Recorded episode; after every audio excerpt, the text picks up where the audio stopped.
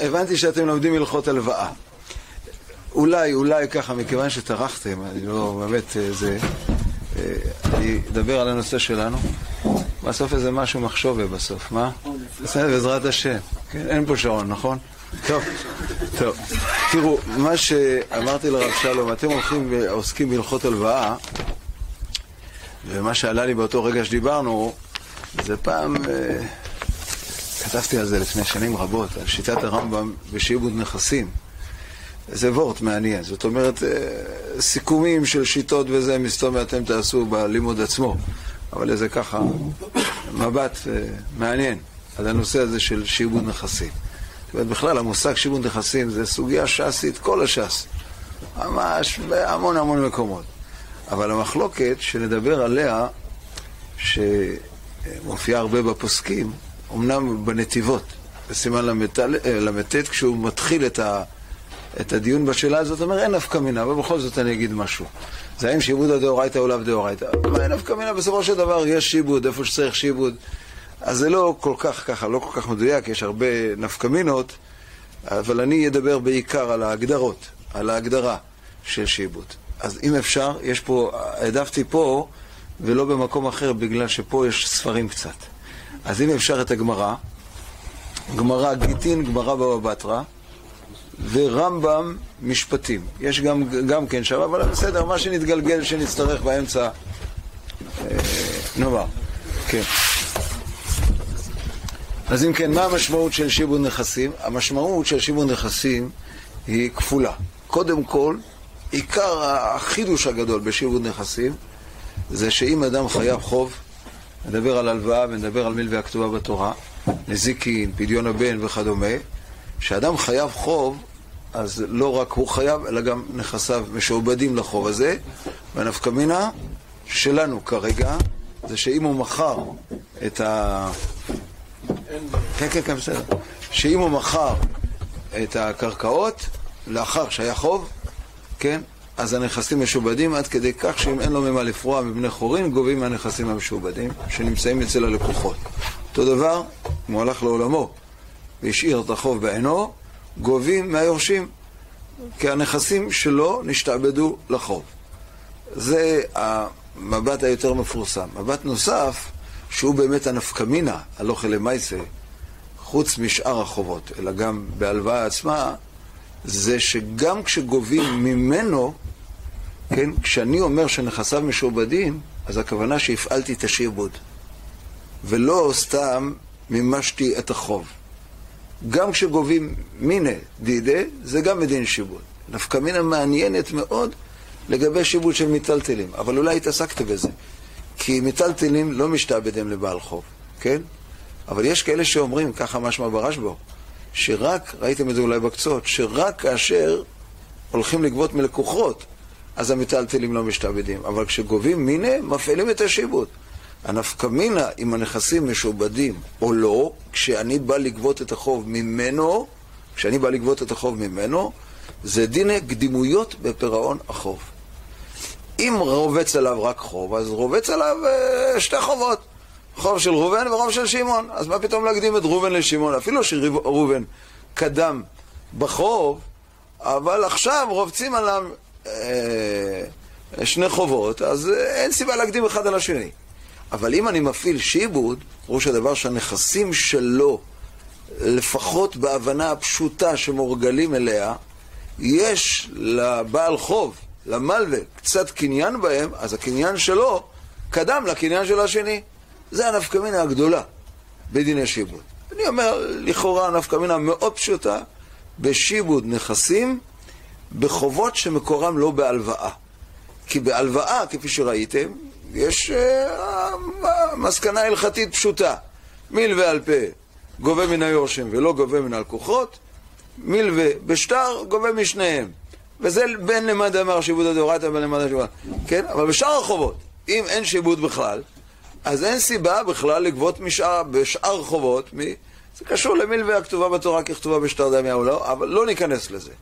מה שרציתי בעיקר להתחיל לברר, זה השאלה האם להלוכה שעיבודה דאורייתא או לאו דאורייתא. האם יש שיבוד מן התורה או אין שיבוד מן התורה, ואם יש שיבוד מן התורה, מה המשמעות של השיבוד הזה? מה ההגדרה של השיבוד? מה יוצר בדיוק השיבוד הזה? פה אני רוצה להגיד לכם איזשהו חידוש מעניין, בדעת הרמב"ם, לפחות בדעת הרמב"ם, בפשט הסוגיות. אז יש לנו גמרא בקידושין, בגיטין? קידושין. קידושין. מחר גיטין. כן. צריך להיות מחר בישיבת הכותל, בגיטין, שם לומדים גיטין. כן. אה, כן. אה, אז בדף י"ג עמוד ב' מביאה הגמרא מחלוקת של רבו שמואל ורבי יוחנן וריש לקיש, שפשטות המחלוקת זה האם שעבודא דאורייתא או לאו דאורייתא. הנושא שם היה מה שכתוב שהאישה יולדת שמתה והביאה חטאתה, יביאו יורשים עולתה. יולדת צריכה להביא גם חטאת גם עולה, אז אם הביאה כבר את החטאת, אז את העולה אפשר להביא גם לאחר מיתתה, בניגוד לחטאת. שאי אפשר להביא לאחר, עולה כן אפשר להביא. אז הגמרא מביאה פה מחלוקת, האם ההלוכה הזאת, המשנה הזאת, היא דווקא כשהיא הפרישה את הקורבן הזה לעולה מחיים, כן, או גם כשלא הפרישה. מה המחלוקת? אם נכסיה משועבדים לחובות שלה, אז הנכסים שלה משועבדים להבאת העולה, ולכן גם אחרי שהיא מתה אפשר לקחת מהנכסים שלה את העולה. זה הגמרא מביאה, מחלוקת רב ושמואל, רבי יוחנן וריש לקיש, והגמרא מסבירה שהמחלוקת היא האם שעבודא דאורייתא או לאו דאורייתא, אחר כך מביאה הגמרא מחלוקת נוספת בין רב ושמואל רבי יוחנן וריש לקיש, האם מיל ועל פה בכלל גובה מן היורשים וגובה מן הלקוחות. למאן דאמר שעבודא לאו דאורייתא לא גובה לא מן הלקוחות ולא מן היורשים, למאן דאמר שעבודא דאורייתא גובה גם מן היורשים וגם מן הלקוחות. זה מפורסם. גמרא בסוף מביאה ממרה של רב פאפה, שזה דבר מאוד מעניין, מאוד מעניין. רב פאפה בהרבה מאוד מקומות בש"ס לוקח מחלוקת ומחבר את הדעות שמה, או יוצר איזושהי הכרעה, בהרבה מקומות בש"ס. אז גם פה הוא עושה את זה. אז מה אומר רב פאפה? אמר רב פאפה, ועל זה נדבר, אמר רב פאפה, הלכתה מיל ועל פה גובה מן היורשים ואינו גובה מן הלקוחות. הסבר, גובה מן היורשים שעבודא דאורייתא, ואינו גובה מן הלקוחות דלת לקלה. הכוונה, חכמים תיקנו כדי לא להפסיד את הלקוחות, מכיוון שמיל ועל פה לא מתפרסם ולא ידוע, אדם הולך, קונה קרקע מהלווה, ופתאום באים ולוקחים ממנו. אז תקנו שמיל ועל פה, בניגוד למיל ובשטר, שזה מפורסם, ואי הוא דאפסידא נפשי, היית צריך לבדוק כמה חובות יש לבן אדם הזה, ובהתאם לזה לקנות ממנו נכסים, במיל ועל פה, לית לקלה, לכן תקנו משום פסדא דלקוחות, ביטלו את השעבוד. ולכן אי אפשר לגבות במיל ועל פה מלקוחות. זה אומר פה רב פאפה, כן? כפי שראיתם, העדתם קצת במקורות, הסתכלתם, מה שמלמעלה, בסדר.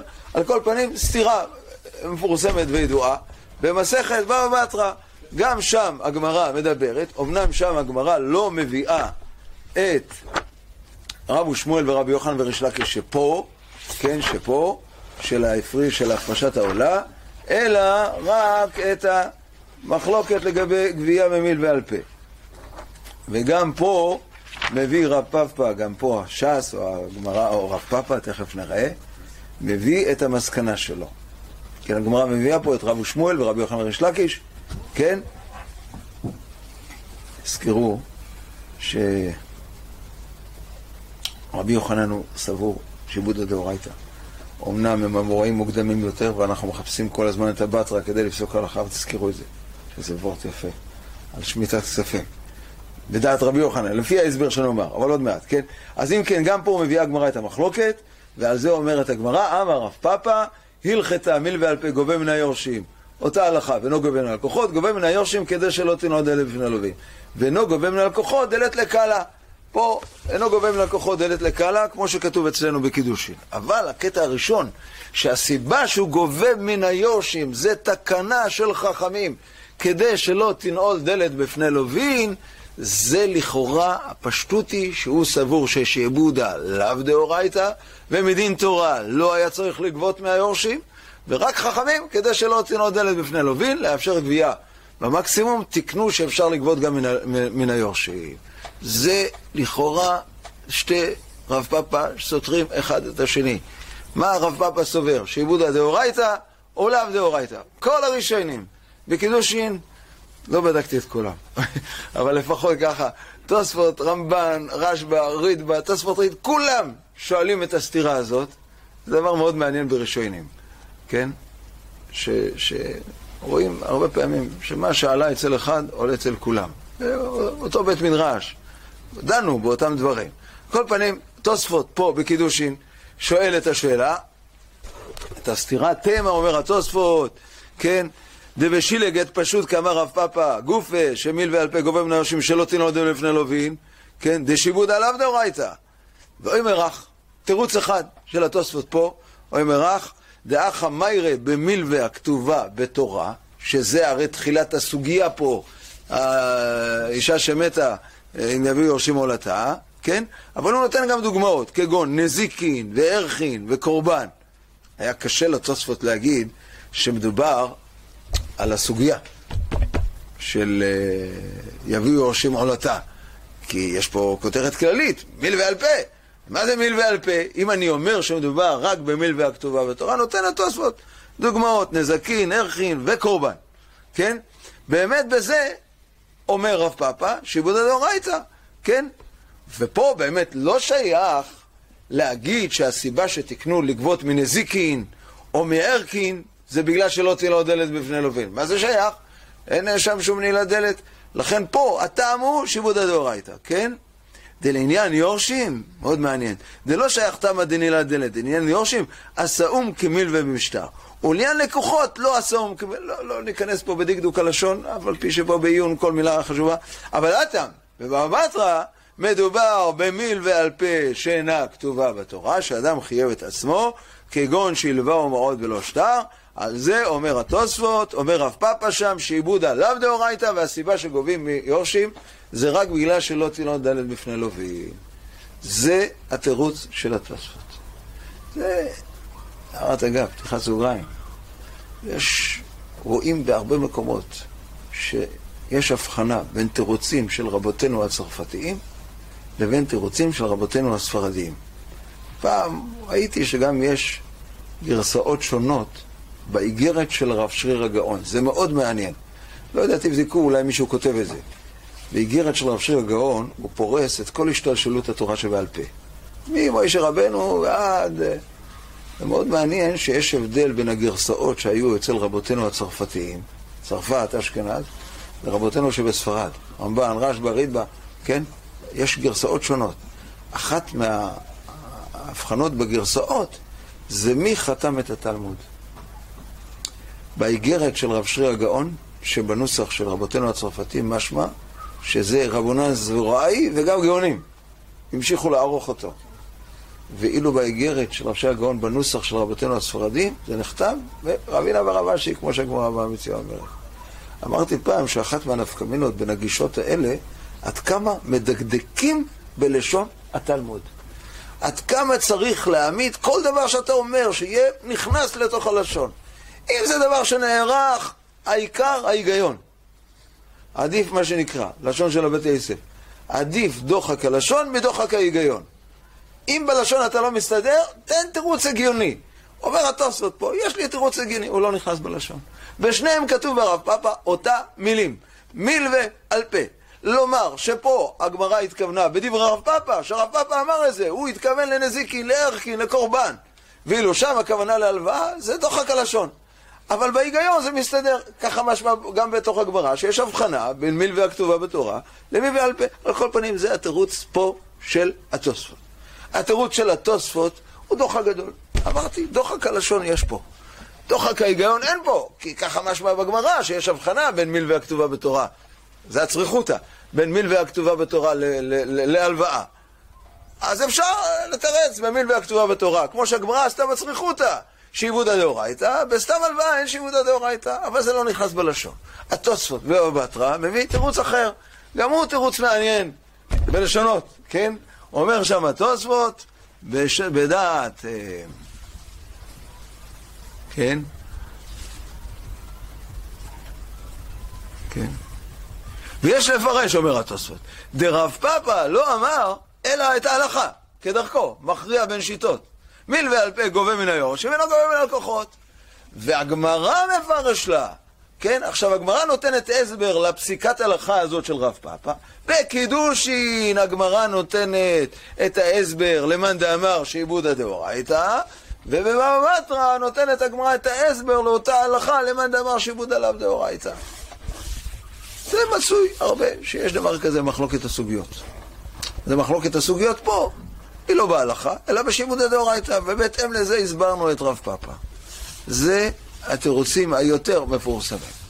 יש תירוץ של הריף, ועל התירוץ הזה של הריף אני רוצה לנסות להבין אותו. ולעניות דעתי יש פה איזה פשט מעניין, שגם... מה? למה, כן. למה זה יותר מסתבר במילגה כתובה בתורה, שיהיה בשיעור? הרי אם אין מוצר כזה שידעו, כן. אין, אין, אין מוצר משפטי כזה שידעו. אז בוא נראה, אז בוא נראה, כן. כאילו, זה באמת... שזה כן. הגיוני. לא, הגמרא אומרת, קודם כל הגמרא אומרת, כן. הגמרא עושה צריכותא, נכון, נכון. והגמרא בצריכותא עושה הבחנה. כן, כן, אז את אותו. עכשיו, מה ההיגיון בזה? בפשטות, ההיגיון, ואנחנו נדבר על זה, מי יוצר את השיבוד? האם האדם או התורה? האם החיוב, האם רחמנה? אמר? בתוצאה אדם חייב. כן, אבל, אבל מי יוצר את ה... אני אדבר על זה. זה, זה בעצם חלק מהוורד שאני רוצה לומר. שמה יוצר השיבוד ואיך הוא נוצר. מה יוצר השיבוד, התוצאה הסופית של השיבוד, ואיך הוא נוצר. כן? יש בזה הבחנה בין מילווה שהאדם יוצר, לבין איפה שזה מילווה הכתובה בתורה. הרשב"א שואל, שאלה מעניינת. הרי למאן דאמר שיבוד עליו דאורייתא, גם בשטר אין שיבוד. גם בשטר אין שיבוד. אז שואל הרשב"א, אז מה זה שהגמרא אומרת? במילווה הכתובה בתורה הוא יודע, דקשטר דמיה, דבקשטר דמיה. הרי מי שאומר ששיבוד עליו דאורייתא, אז גם בשטר אין שיבוד. אז מה זה עוזר שאתה אומר שזה כמו שטר? כן? אז אם נגיד שזה כמו שטר שאדם שאיבד, נדבר על זה, האם אדם יכול לשעבד. כמו שטר, לא שיש שם שיבוד, אלא כמו שטר שהאדם משעבד, אז כמו שהאדם יכול לשעבד בשטר, אז פה התורה שאיבדה. הקדוש ברוך הוא שאיבד את הנכסים שלך, זה, זה יותר גדול, כן? טוב, נדבר על זה עוד רגע. אבל על כל פנים, זה אה, שני התירוצים שמופיעים בתוספות. יש תירוץ נוסף. מה? בלבוא בתרא לית לקאלה? למה הגברה צריכה להגיד לית לקאלה אם זה ה... כי היית צריך להגיד שלא תנוע דלת בפני לווין. גם בלקוחות. גם בלקוחות, מה ההבדל? שלא תנוע דלת בפני לווין זה לאפשר למלווה לגבות את חובו. הייתי צריך לפתוח את האפשרויות לגביית החוב בכל הצורות, כדי שהוא ילווה. אז למה לא תיקנתי את זה בלקוחות? כי בלקוחות, לית לקאלה. שתי אפשרויות. או שזה תקנה שבגללה אני מפקיע בגלל שלית לקאלה, או שזה סיבה למה אני לא מפעיל את השלא תנעול דלת. כן. אבל בפשטות, לפי התוספות הכוונה שאני לא מפעיל, לפי ההסבר הזה, לא מפעיל את השלא תנעול דלת בגלל שלית לקאלה. כן? עד שאני הולך להגן על זכויותיו של המלווה, נגן על הזכויות של הלקוחות. זה פשט הפשוט, כן. יש עוד תירוץ מעניין ברשב"א. זה, אני אומר לכם, אה, אמרתי לפני זה דוחק הלשון ודוחק ההיגיון, אבל יכול להיות שבגרסאות זה לא נורא. שני דברים אומר הרשב"א, שני תירוצים אומר הרשב"א. תירוץ אחד אומר הרשב"א, צריך לגרוס בקידושין רב פאפי, לא רב פאפה. סיום מסכת, יש לנו ברוך השם הרבה... אמנם זה הבנים של רב פאפה, אבל יש, אה, כן. על כל פנים, אה, זה תירוץ. תירוץ שני, חזר בו. חזר בו, מקידושין לבבא בתרא, חזר בו. כן, אבל השאלה, מה היה ההתחלה וממה הוא חזר בו, אם אין סדר למשנה. אז סתם וגם אין סדר לגמרא, אבל מעניין. אבל כל פנים, הביאו פה את שתי השיטות, את שתי, כמו שרואים הרבה פעמים שיש חזרות, ומשנה ראשונה לא זזה ממקומה, השארתי את הכיתוב הראשון, אף על פי שברור לנו שיותר מאוחר חזרו מהדבר הזה. אותו דבר פה. אה, הייתי אומר בישיבה, שמה צריך לעשות בעיון? כשלומדים בעיון? מה? צריך לשחזר את מה נאמר בבית מדרש באותו הזמן. מדוע? כי לא יכול להיות שמה שאמרו בבית מדרש זה חצי דקה. אמר רב פאפה עמד בזה, אמר רב פאפה, אמיל ואלפי כל מיני, לא יכול להיות, זה היה מסתובב חודש שלם דיונים. זה רק התמצית של ה... כן? אז לכן גם הנושא הזה של חזרה, זה לא למחרת בבוקר הוא חזר בו. ועשו על זה דיונים בשנה שלמה. בסוף הוא אמר, טוב, מקובלת עליי דעתכם. רק משנה ראשונה לא זזה במקומה. מה? הגיעו לסוף המבט. אמר, כן, כן, כן. מה אומר הריף? אז התירוץ השני של הרשב"א זה שהוא חזר בו, שהרב פאפה חזר בו. לא מצאו תירוץ. לא מצאו תירוץ לסתירה החזיתית הזאת, מה סובר רב פאפה. שאמר, היה צריך להגיד התוספות מילווה הכתובה בתורה, היה צריך לומר התוספות ובתרא מחלוקת הסוגיות. רש בו גרסאות שונות, חזר בו, אבל יש לריב תירוץ. מעניין. הוא לא מתלבט בו בכלל. הוא אומר אותו בפשטות, כן? אומר הריף, אחרי שהריף אומר, הלוכה למייסה, כן? אני לא התכוונתי שתלמדו את כל השח ואת הקצות. אמרתי לך... לא, לא, הוא ארוך, ארוך. כן, אולי למדתם אז, כשלמדתם סימן ל"ט, למדתם, הרשב"ו, השח זה...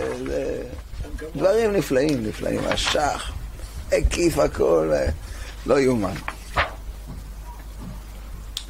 היה לנו איזה כנס, אתם לא ממהרים, נכון? אני קצת, לא. היה איזה כנס שבוע שעבר של בתי הדין לממונות. וביקשו מאיתנו לדבר שם על סוגיית הקימלי. הקימלי תוקע את כל בתי הדין לממונות. אה, תמיד אפשר להגיד קימלי. אחד מראשי, נושאי הדגל של הקימלי, חוץ מהרב עובדיה יוסף, זצ"ל בזמננו, זה השח. שח ונגמונותו, נגד אחד, מספיק איזה סופר, אפשר להגיד, טומי מצמצם את זה. אומר, נגד זה לא אפשר לומר קימלי, נגד זה אפשר לומר, אה, שח פותח את הסוגיה לגמרי. אה, יש שם ויכוח בדיוק איך להתייחס לקימלי היום. יש לו איזה בהקדמה לשו"ת חושן משפט. נכון, הוא גם אומר שאי אפשר להגיד. לא כן, כן. לעשות משפט, אה, כן. לייצר מערכת משפט עם קימלי. שבלי הכרעה, שבלי הכרעה. אז אחד הדברים שאמרתי שם, אמרתי, רבו ישראל, זה סממני הגלות. ולכן צריך להשאיר את זה עד שיבוא משיח. אם תפתור את זה, אז... תרגיל. כן, שאלו את הרב גורן, האם מותר להסיר את העשבים מהכותל אחרי ששת הימים? האם מותר?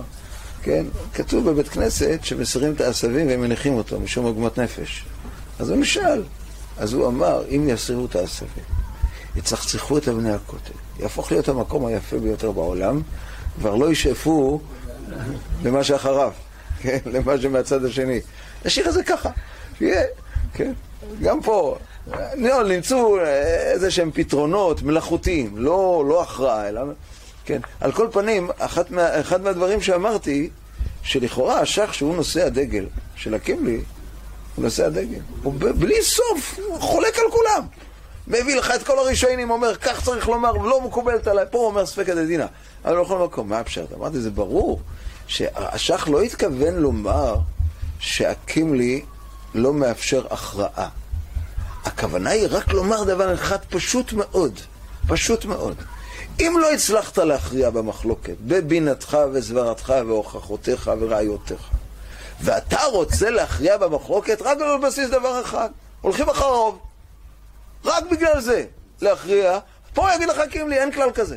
אין כלל כזה, הליכה אחרי רוב פויסקים שלא דנו אחד עם השני, שנכתבו. זה אומר השח. אז מה תעשה? תשבור את הראש ותכריע. אבל אל תנסה לפתור את הבעיה על ידי זה שתלך אחרי הרוב, כי אין כלל כזה. זה כוונת השח בקימלי. לכן בכל השעה, בכל החושן משפט, הוא חולק בלי סוף על, על ראשונים. אבל הקימלי, לא נכון. אם אתה יכול להכריע, תכריע. טוב, אבל מי יכול להכריע? הרב עובדיה יוסף אומר. מי יכול להכריע? כן, זה כאילו ההתפתחות של הדברים. על כל פנים, פה הריף... לא, הוא תמיד יגיד שהרוב סוברים כמותו, אבל יש איזה שתיים שבטוח שהם לא סוברים, כן? פה, תראו איך הוא תוקף פה את המרשל, איך הוא מכריע פה שצריך לומר שעיבוד עליו דאורייתא חד משמעית. רק מה אני אעשה? בסוף הוא אומר ספקא דדינא, כי מה אני אעשה? יש... אה, כן, כן, כן. אז פה הריף כותב ככה, אולי נקרא את לשונו, בגלל שלשונו של הריף חשובה פה, כדי להבין אותה. הריף בא ואומר, הריף בא ואומר, כן,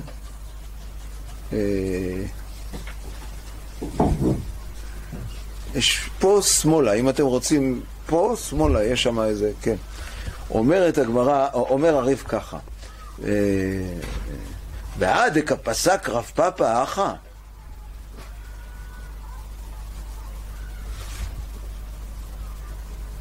אומר הריב, וקיים אלן אחי, שמה? שגובה מן היורשים ולא גובה מן הלקוחות, כן? דערב פפא דאו פטרא, פסק הלכתה אחין, כן? ורגע ישן קידושין, דאמר רב פפא. אה, גובה מן היורשים שיבודי דורם, וגובה לקוחות נלד נקלה. ועתק פסק רב פפא אחא ואמר דהילכתא מיל ועל פה. פסק רב פפא, זה לאפוקים מהתוספות, שזה לא הש"ס, זה רב פפא, כן? דאה כפסק רב פפא אחא. ואמר דהילכתא מיל ועל פה גובה מן היורשים ונוגע ללקוחות, גובה מן היורשים שלא תלמד ולא מבין, ואינו מבין לקלה. לאו דפליגא דידא אדידא, אלא הכא משמע לן, דהיינו תמה דאוקמוה רבננא דאורייתא וגובה מן היורשים, שלא תנעול דלת בפני לווין. פשטות דברי הריף, כוונתו היא לומר, למה כמו שאמרת דלת לקלה, ומי מעל פה לת לקלה, ולכן לא גובה מן הלקוחות, אז תשתמש באותו עיקרון גם ביורשים, כמה שמלן, אומר הריף, בא רב פאפה ואמר, פה יש לי סיבה, למה להרחיב את אפשרות הגבייה, והיא שלא תנעול דלת בפני לווין. באמת שיבודה דאורייתא. אבל אחרי שביטלת את השיבוד במיל ועל פה, בלקוחות, בגלל שלט לקאלה, אז היית צריך להמשיך עם העיקרון הזה ולבטל גם מיורשים, כמה שמלן, שכיוון שלא תינוד אלה בבני לובין, או כמו הדאורייתא. אבל לעולם שעבודה דאורייתא. שואלים על הריף הזה, חזק וברור, שואלים על הריף הזה כל הראשונים שהתעסקו בזה. רמב"ן, רשב"ו, תוספות ריד, כולם שואלים, כן? לא מבין אותו. לא מתחיל להבין אותו. הרי, מה פירוש הדבר כמו שתיקנת בלקוחות, כך גם תתקן ביורשים? בלקוחות יש לי סיבה. מה הסיבה? פסדה דלקוחות. אז כיוון שיש פסדה דלקוחות, הוצרכתי לתקן. איזה צורך היה לתקן ביורשים, שלא יגבה משום פסדה דלקוחות? אלת לקלה. מה היורשים? קיבלו מתנה שלא שלהם, שהיא משעובדת. למישהו אחר. מה פתאום היה צורך לתקן? עד כדי זה שאני צריך סיבה מיוחדת למה לא לתקן. שלא תלמד אלה בפני לווין. למה היה צריך לתקן? מה אתה אומר? עשו במיל ועל פה משהו. למה? אבל זו השאלה. למה להגיד שעשו במיל ועל פה? תגיד עשו בלקוחות. כן. צריך סיבה לעקור לעקור דין תורה, אתה צריך... כן, איזה סיבה יש ביורשים? כן, כן, כן. עשו פעולה מסוים שלכאורה סוג של ביטלו את ה... טוב, טוב, טוב, טוב, זה ברור שזה כוונת הריב. כן. מה שאתם אומרים זה ברור שזה כוונת הריב. אבל מה עומד מאחרי זה? למה באמת היה צריך לומר שהביטול של השיבוד הוא גורף? הוא לחלוטין. למה לא לצמצם אותו? איפה שצריך, איפה צריך. בלקוחות צריך, ביורשים לא צריך. למה צריך להגיד את הדבר הזה? מה, מה, מה, מה רב פאפה הוא צריך להסביר משהו בבית מדרש שדיברו איתו? למה הוא צריך? פשוט ביטלו מלקוחות, כיוון שאני מתקן תקנה לטובת הלקוחות, שוב בסדר לתקלה. יש לכם דת שלמה. דת שלמה אומר משהו, אמרתי גם, הוא אומר משהו פשוט ויפה. בעיקרון שאתם אומרים. אבל אני לא אלך בעיקרון הזה.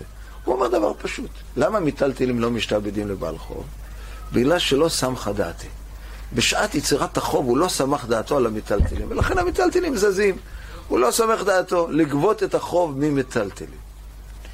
אומר חמדת שלמה, אחרי שביטלו מלקוחות, אז פירוש הדבר שלא סמכה דעתה של המלווה לגבות מהקרקע גם כן, לא רק מהמיטלטלים, אלא גם מהקרקע.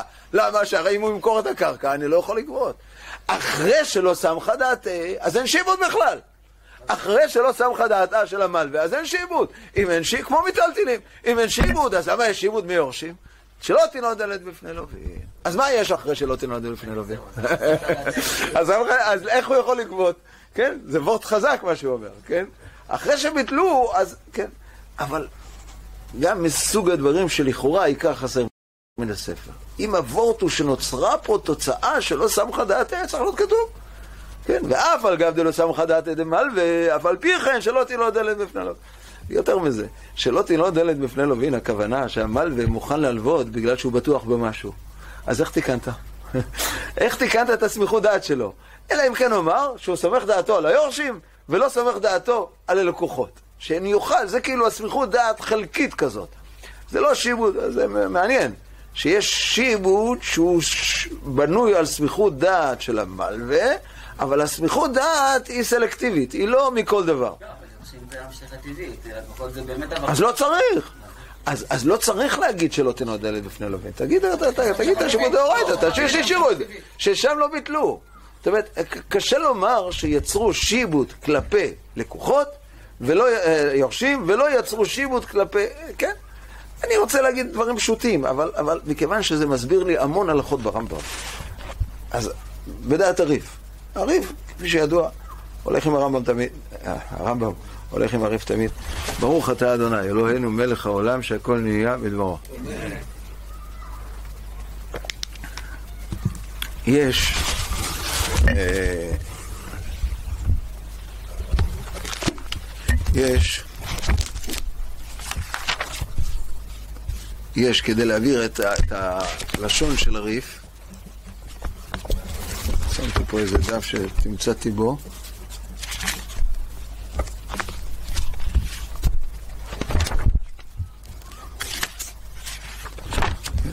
יש בשח. לזה. יש בשח, אחרי שהוא דן, כמו שראינו, בשאלה, הוא מכריע חד משמעית, כדעת התוספות, שהחילוק הוא האם מדובר במיל והכתובה בתורה, או במיל ועל פה רגיל. מיל ועל פה רגיל, שיבוד עליו דאורייתא. מה הראייה של, של השח? אחת מהראיות של השח. ארוך, עם ראיות נפלאות, מדוקדקות, עם כל הראשונים. עם סוגריים, פתח סוגריים, סגור סוגריים, יש פה, כן? אבל אחת מהראיות החזקות, ואני לא זוכר אם השח מביא גם את הגמרא בבא בתרא בקכ"ה, אבל לפחות את המחלוקת של רב פאפא עם רב הונא ברד רב יהושע, הוא מביא את הגמרא של, של בכור. אני לא זוכר, כן, הסתכלתי מלמעלה, לא ראיתי את זה עכשיו, שהוא מה זה, הוא מביא? לא. לא מביא, הוא לא מביא, כן? אבל על כל פנים, יש גמרא. בערכים, דף כ"ב. הגמרא שואלת למה לא גובים מיתומים קטנים אה, חוב ברור, שהוא ודאי. כן, מחלוקת. רב הונא בן אבי שירה אומר, אמור צרר ראיית פסק, אולי הוא פרה כבר. כן? כיוון שאין מי שידון איתך על הראיות ומענות, האם הוא פרה או לא, תמתין עד שיגדילו ואז תדון איתם. אבל כל זמן שהם קטנים לא. רב פאפה אומר, פריעת בעל חוב זה מצווה. וכיוון שפריאת בעל חוב זה מצווה, יתמה אליו בני מעבד מצוונינו. וכיוון שיתמה אליו בני מעבד מצוונינו, אי אפשר לעקוף אותם את החוב הזה, שאי אפשר אה, שהם לא בני מצווה. זה רב פאפה. רב פאפה זה גם בכתובות, פ"ז, כן? אמר רב כהנא לרב פאפה, לדידך זה אמר פריאת בעל חוב מצווה, היא אמר לו באינה מאי, מה עושים? עד שהוא צריך לומר לו כופין אותו עד שהוא אמר רוצה אני. גובים ממנו על ידי כפייה, נותנים לו מכות, עד שיקיים את המצווה המוטטת. שם יש מחלוקת מעניינת, תוספות ריד ורמב"ן, האם אפשר לגבות ממנו מהנכסים, כיוון שאפשר לכפות. תוספות ריד אומר לא, רק מכות, עד שייתן. רמב"ן אומר, עד שאתה גופהו בגופו, כפהו בממונו. צריך לגבות, תקפה בממונו. אבל גם שם זה בנוי על הגישה שברב פאפה משמע שזה כפייה למצוות. ברב פאפה משמע רק פריאת בעל חוב מצווה. אני לא זוכר כרגע מי, אבל כל האחרונים, אז, אז סליחה, זה השח. זה השח. אבל מוכח לכאורה לידיעה שרב פאפה סובר שעיבוד עליו דאורייתא. כי אם שעיבודא דאורייתא, מה אני צריך את היתומים? אני מדבר עם הנכסים, לא מדבר עם היתומים. הנכסים האלה משועבדים מכוח החוב של האבא, קח אותם. מה? א', ביתומים קטנים. מה אני צריך כופין אותו עד שיאמר רוצה אני? כן? הוא צריך רב פאפה לומר, הדרך היחידה לכפות בן אדם לגבות את החוב, זה על ידי כפייה. לפי התוספות טרי זה בכלל, אין דרך אחרת, אתה לא יכול לגשת לנכסים.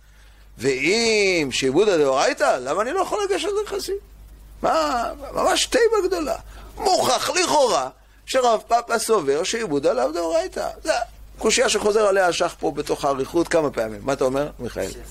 שאלה, כן. אני לא מבין את השאלה הזאת, כי יכול להיות שהנכסים משועבדים, אבל בשביל להעביר אותם צריך מישהו שיעביר אותם. למה זה סותר אחד את השני? אפשר לקחת מלקוחות? הלקוח, הלקוח חייב במצווה? היורש חייב במצווה? שאלה מפורסמת של התומים. איך היורשים חייבים בחוב של אביהם? כן, לפי דעת רבנותם. הרי כל, לא ניכנס היום לרבנותם. הרי כל שיבוד נכסים זה דין הערבות, כמו ערב. כן. זה בדיוק השאלה. אם אנחנו אומרים שזה כמו ערב, לא, לא, לכן אמרתי שאני לא נכנס לשיטת רבנו תם, זה שיטת רבנו תם. אף על פי שהגמרא אומרת, כל נכסו ידיעין ישעינון ארבין ב... אבל רבנו תם משתמש בזה ממש כפשוטו, זה כאילו ערב. לכן הוא אומר, המוכר שטר חוב וחזר ומחלו, מחול. למה מחול? כי בטל שיבוד הגוף, אין שיבוד נכסים. ורגע, שואל התומים, שאלה מפורסמת, אז למה מיורשים גובים? וכי היורשים חייבים בחוב? מוטלת עליהם מצווה? הרי אמרנו, עכשיו לא חייבים, אז מה פתאום אפשר לגבות? כן? תירוץ של התומים. מכירים את השאלה הזו של התומים? שאלה קשה, כן? איך הולכים ליורשים לגבות את החוב שהמוריש היה חייב? אם כל מה שאני גובה מהנכסים זה ערבות לחוב, וכשפקע השיבוד הגוף, פקע ממילא גם השיבוד נכסים, כמו שאומר רבנו תם לגבי מכירת שטרות, אז למה כשהוא מת זה לא פקע החוב, אז פקע גם השיבוד נכסים? שאלה חזקה. תשובה פשוטה. מה? אין, אין שיבוד הגוף. מי חייב פה? במתים חופשי. מי? לא, השטר רק מוכיח את החוב. אבל אם אין חוב, מה המקרה של רבנו תם? מוכר שטר חוב, אמר שמואל, מוכר שטר חוב וחזר מחלו מחול. שואל, איך יכול למחול? אז יש כאלה שאומרים, רמב"ם, זה אגב, זה אחת מהראיות שלי, שהסיבה שהוא יכול למחול רק בגלל שמכירת שטרות דרבנן. אם מכירת שטרות היום מדאורייתא, לא יכול למחול. מכרת, נגמר הסיפור. אבל רבנו תם, יש לו תירוץ יפה, הסבר. פשוט. כשהוא מוכר את השטר חוב, איך הוא יכול למכור? איך מוכרים ראייה? חוב. חוב זה דבר שאין בו ממש, איך מוכרים? אומר רבנו תם, באמת לא מוכרים את החוב, מוכרים את השיבוד נכסים. זה ממש מוכיח את מה שאני רוצה לומר תכף, לפי רבנו תם, שרמב"ם חולק עליו, ושואלים אחרים חולקים עליו, הוא מוכר את השיבוד נכסים. אז עכשיו, מה נוצר מצב, אחרי מכירת השטר חוב, מה נוצר? ראובן חייב את החוב, והנכס נמצא אצל שמעון.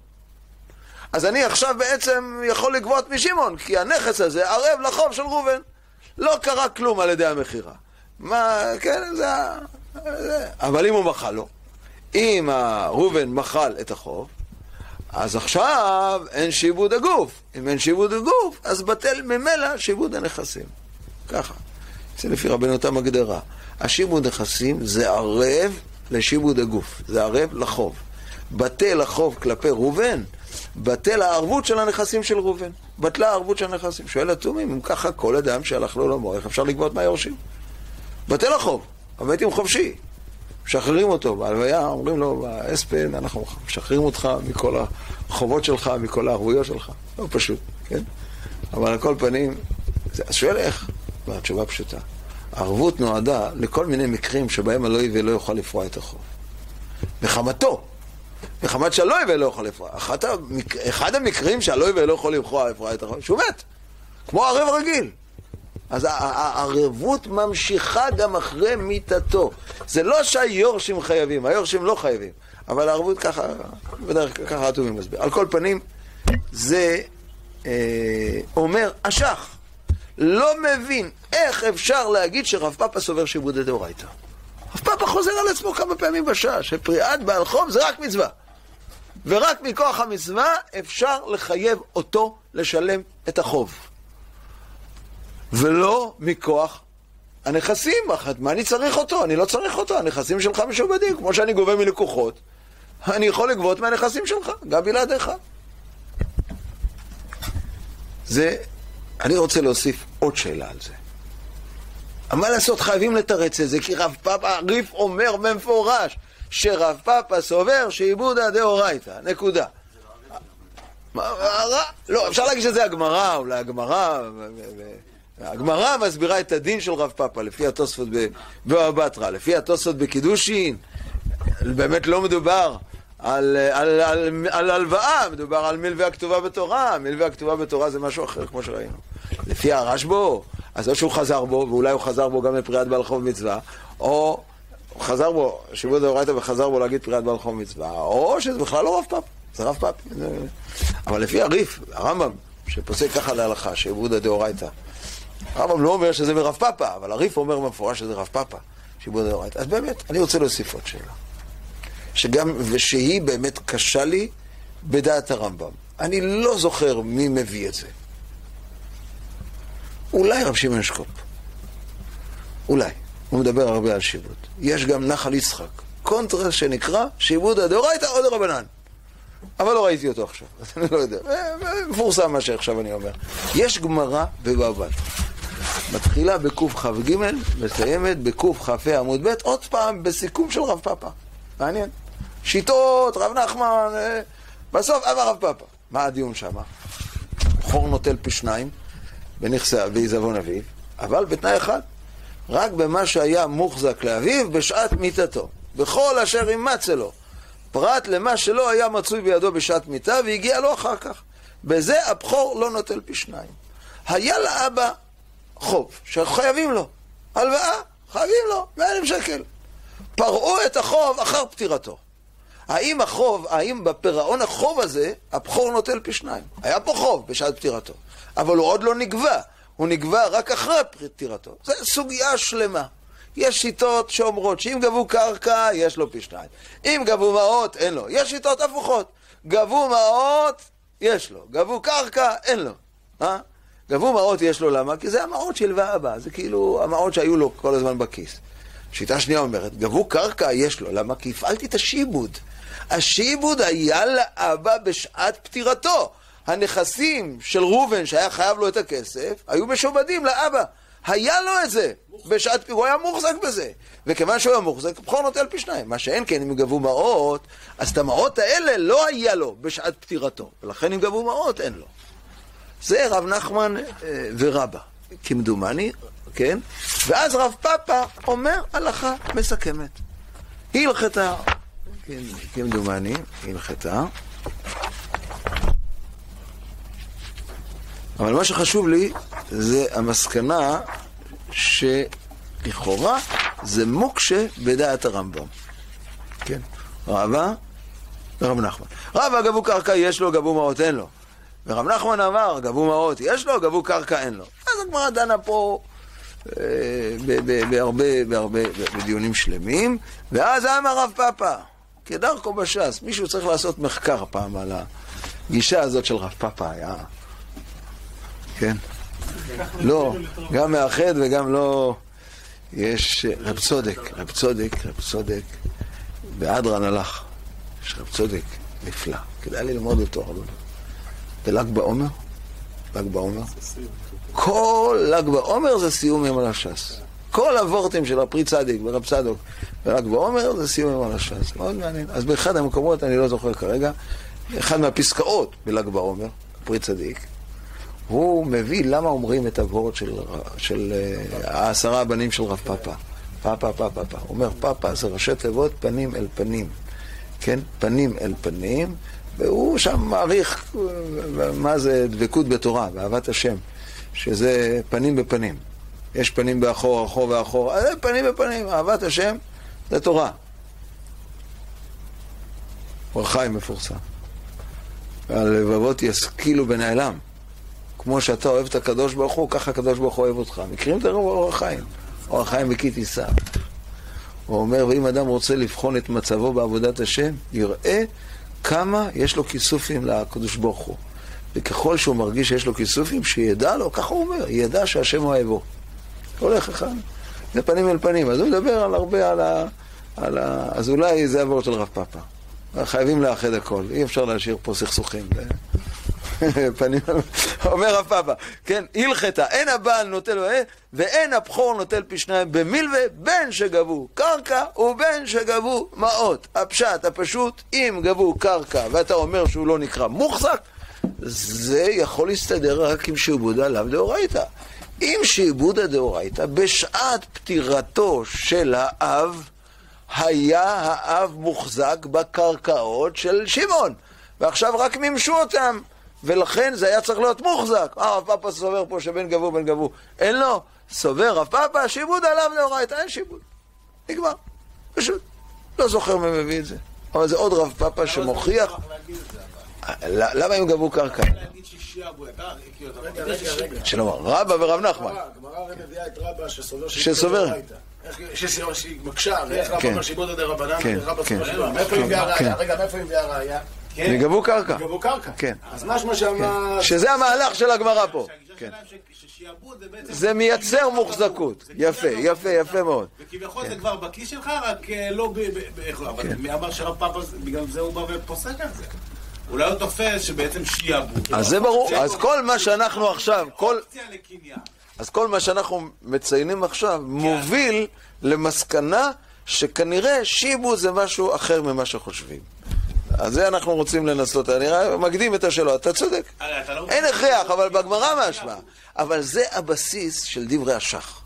להגיד פריאת בעל חוב מצווה, שאני לא יכול לגבות את הנכס רק אם אני מפעיל עליך את המצווה, זה לכאורה סותר את התובנה הפשוטה בשעבוד. שעבוד אני לא צריך אותך, אני צריך אותך? כן? אה, יש את הנכסים משועבדים. אם זה ככה, שכשאני אומר פריאת בעל חוב מצווה, זה מוכיח שאני לא סבור ככה, כמו שאומר השח. אז זה ברור גם שאי אפשר לקרוא לו מוחזק בנכסים, כן? ולכן אין לו. כן.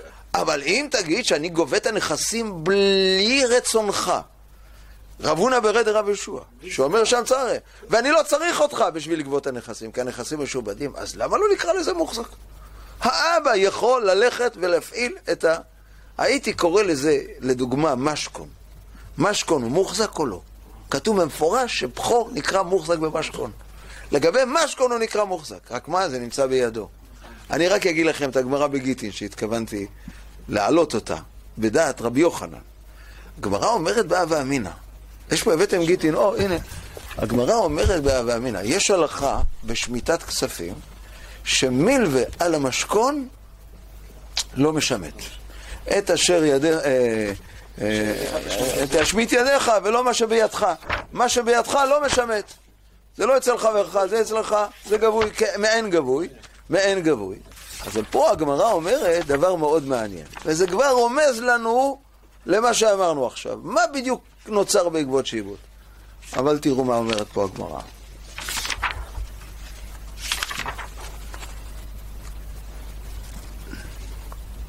לא פתחתי את זה עכשיו, אבל ככה אני זוכר שזה רבי יוחנן מריש לקיש, כן? רבו שמואל, דאמרת אביו, בשטר, השביעית משמטת את המלווה בין בשטר בין שלא בשטר. רבו שמואל דאמרת אביו, בשטר, שטר שיש בו אחריות נכסים.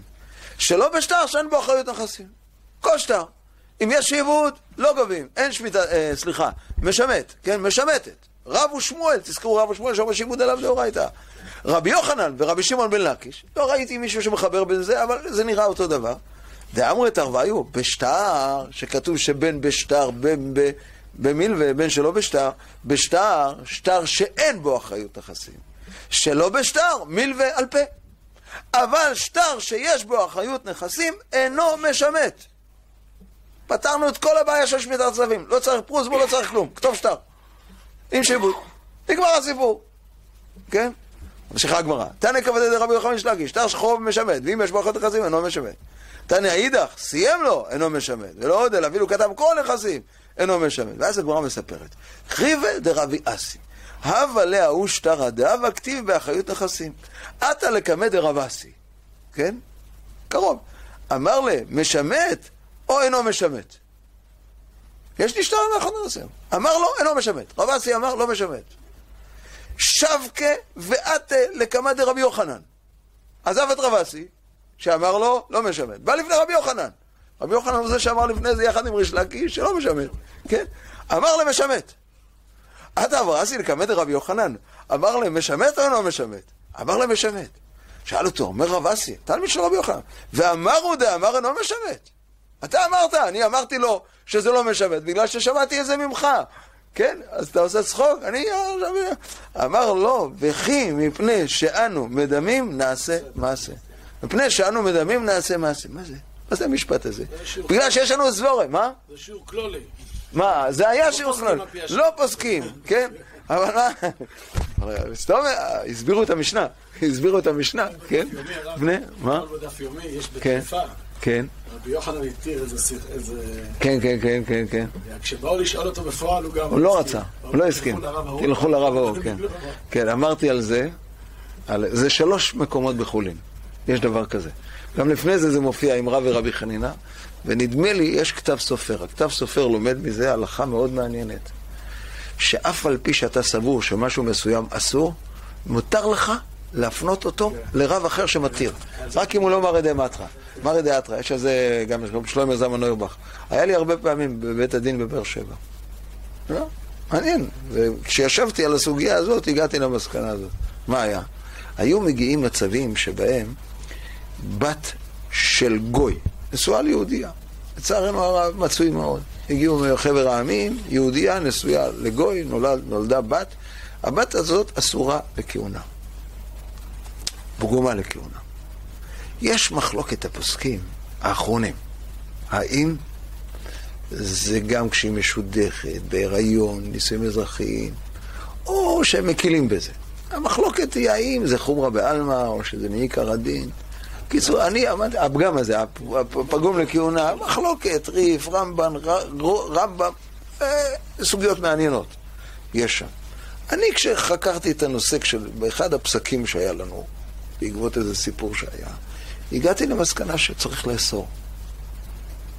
שצריך לאסור. ואין מה לעשות. מה לעשות? משודוחים, לא משודוחים, אנחנו לא מתירים את זה. למה? אני אגיד במילה אחת פשוטה, רמב"ן משמע שזה ספקא דאורייתא. ברמב"ן משמע שזה ספקא דאורייתא. כן, אבל זה ספק, ככה משמע בריב שזה ספק. ספקא דאורייתא. ספקא דאורייתא לחומרה, איך אנחנו יכולים להתיר? מי שאומר לא ככה, רבי עקיבא איגר, אור שמח, אומרים שזה חומרה בעלמא, ולכן אם נישאת לא תצא, והמשמעות היא גם אה, שידוכין, ו... ככה יצא לי בפסק דין, נגד הרב משאש. הרב עובדיה לא. אף על פי שמשעינים את זה על הרב עובדיה, אין תשובות מפורשות שהוא התיר בכל מצב. אבל הרב משאש כן. ושמעתי שהרב אדרי, הרב אריאל אדרי, שהחליף אותי בבאר שבע, הוא סבור, הוא תלמיד של הרב משאש, הולך עם הפסק שלו, הוא מותר. מאז כששמעתי, כל מקרה כזה שהגיע אליי, לא כתבנו פסק דין והפנינו אותו ל... בתל אביב הוא היה בהתחלה, אחר כך באשקלון, אחרי שקיבלתי ממנו רשות לעשות את זה. זה על בסיס הגמרא הזאת בזה. כן? אז אם כן, גם רבי יוחנן פה, לא פוסק הלכה, אני לא... שיעור כלולי זה היה, לא? אבל אני רוצה להסביר. מה בדיוק הייתה הווה אמינא ומה הייתה המסקנה? רב אסי הלך עם ההווה אמינא של רבי יוחנן. ורבי יוחנן אומר, לא, לא מאה אחוז, זה רק דמיון. הלוך למעשה, אני עדיין בספק. מה בדיוק היה הספק פה של רבי יוחנן? בשיבודא דאורייתא, הוא הרי סובר שיבודא דאורייתא, גם בקידושין, גם בבטרה וגם פה. זה הפשט הפשוט, שזה, כן? זה רבי יוחנן וריש לקיש. מה פתאום הוא לקח אחורנית והחליט שזה לא... אז, אז אנחנו כבר מרגישים שיש שני צדדים להבין את השיבוד. האם השיבוד יוצר מוחזקות כאילו זה בידך או לא? אז אני רוצה להסביר, הפשט הפשוט שזה כאילו בידך, הוא יותר פשוט. הוא יותר פשוט. הצד השני הוא קצת יותר מורכב. בהבנה, בדקות שלו. אבל לעניות דעתי זה, זה הפשט, לפחות בריב וברמב"ם. ראיתם?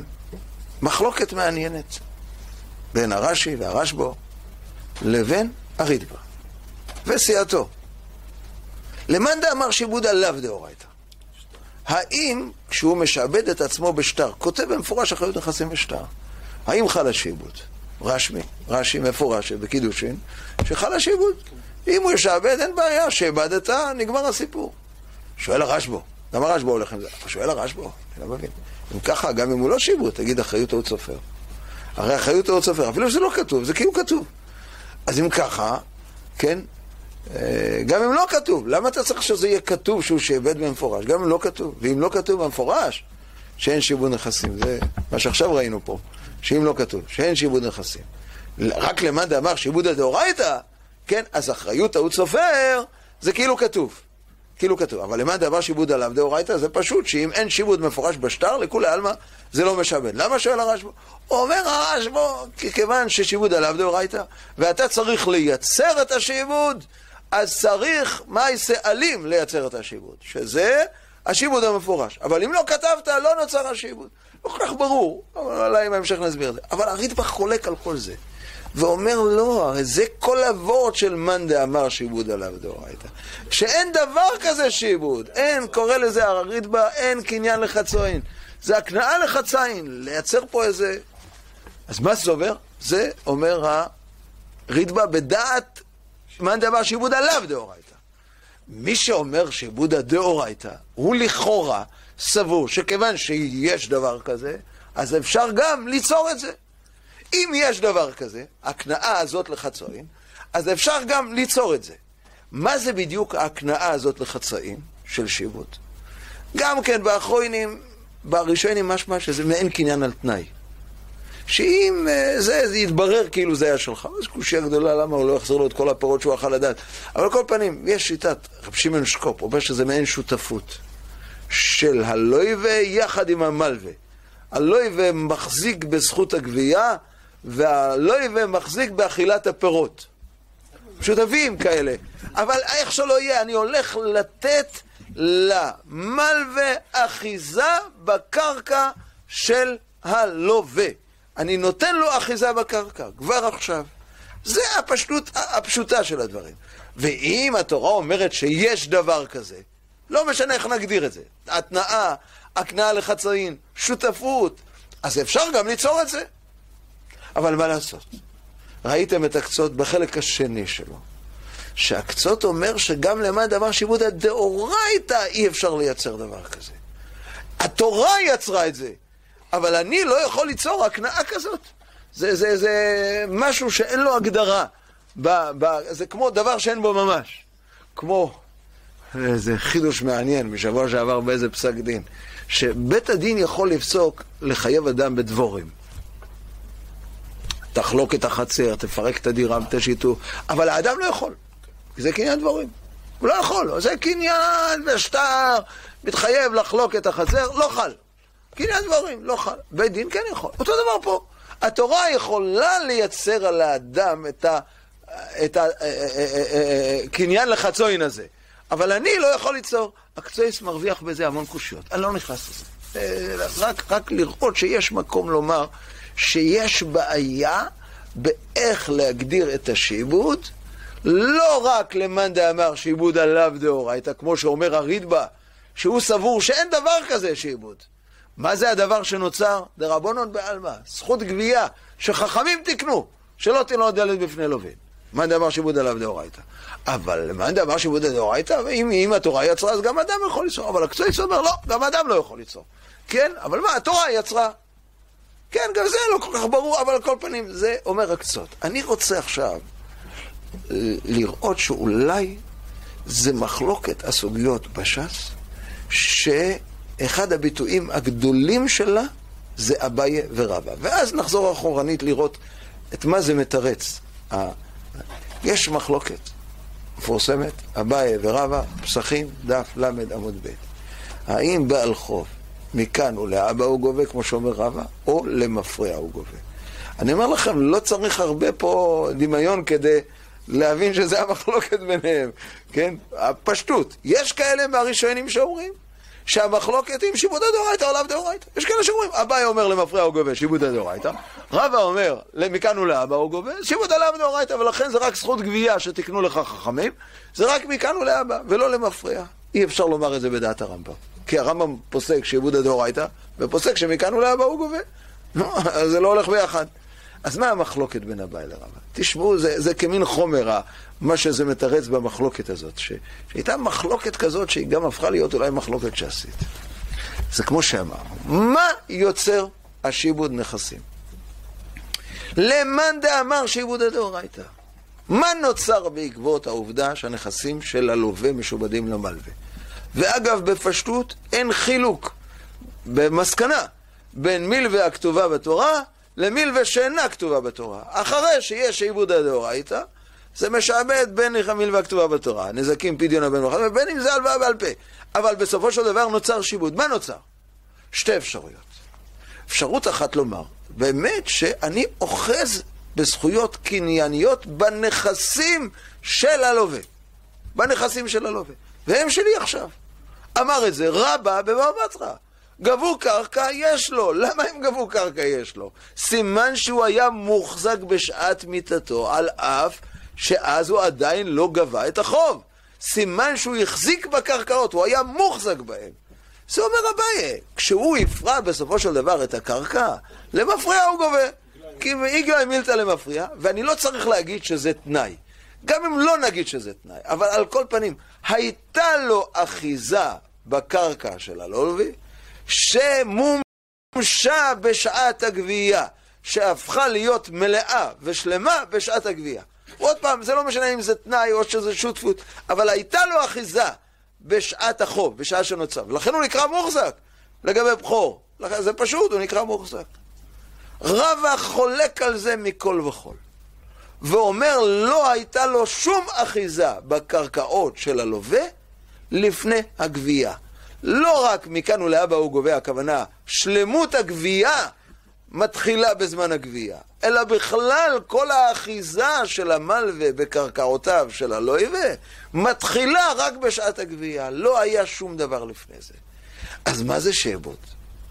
פה אני אומר לכם, פעם אמרתי את זה לפני כמה בונים, 30 שנה אולי, אמרו לי זה דרוש. עכשיו אני אומר, אני לא מפריע לי, ש...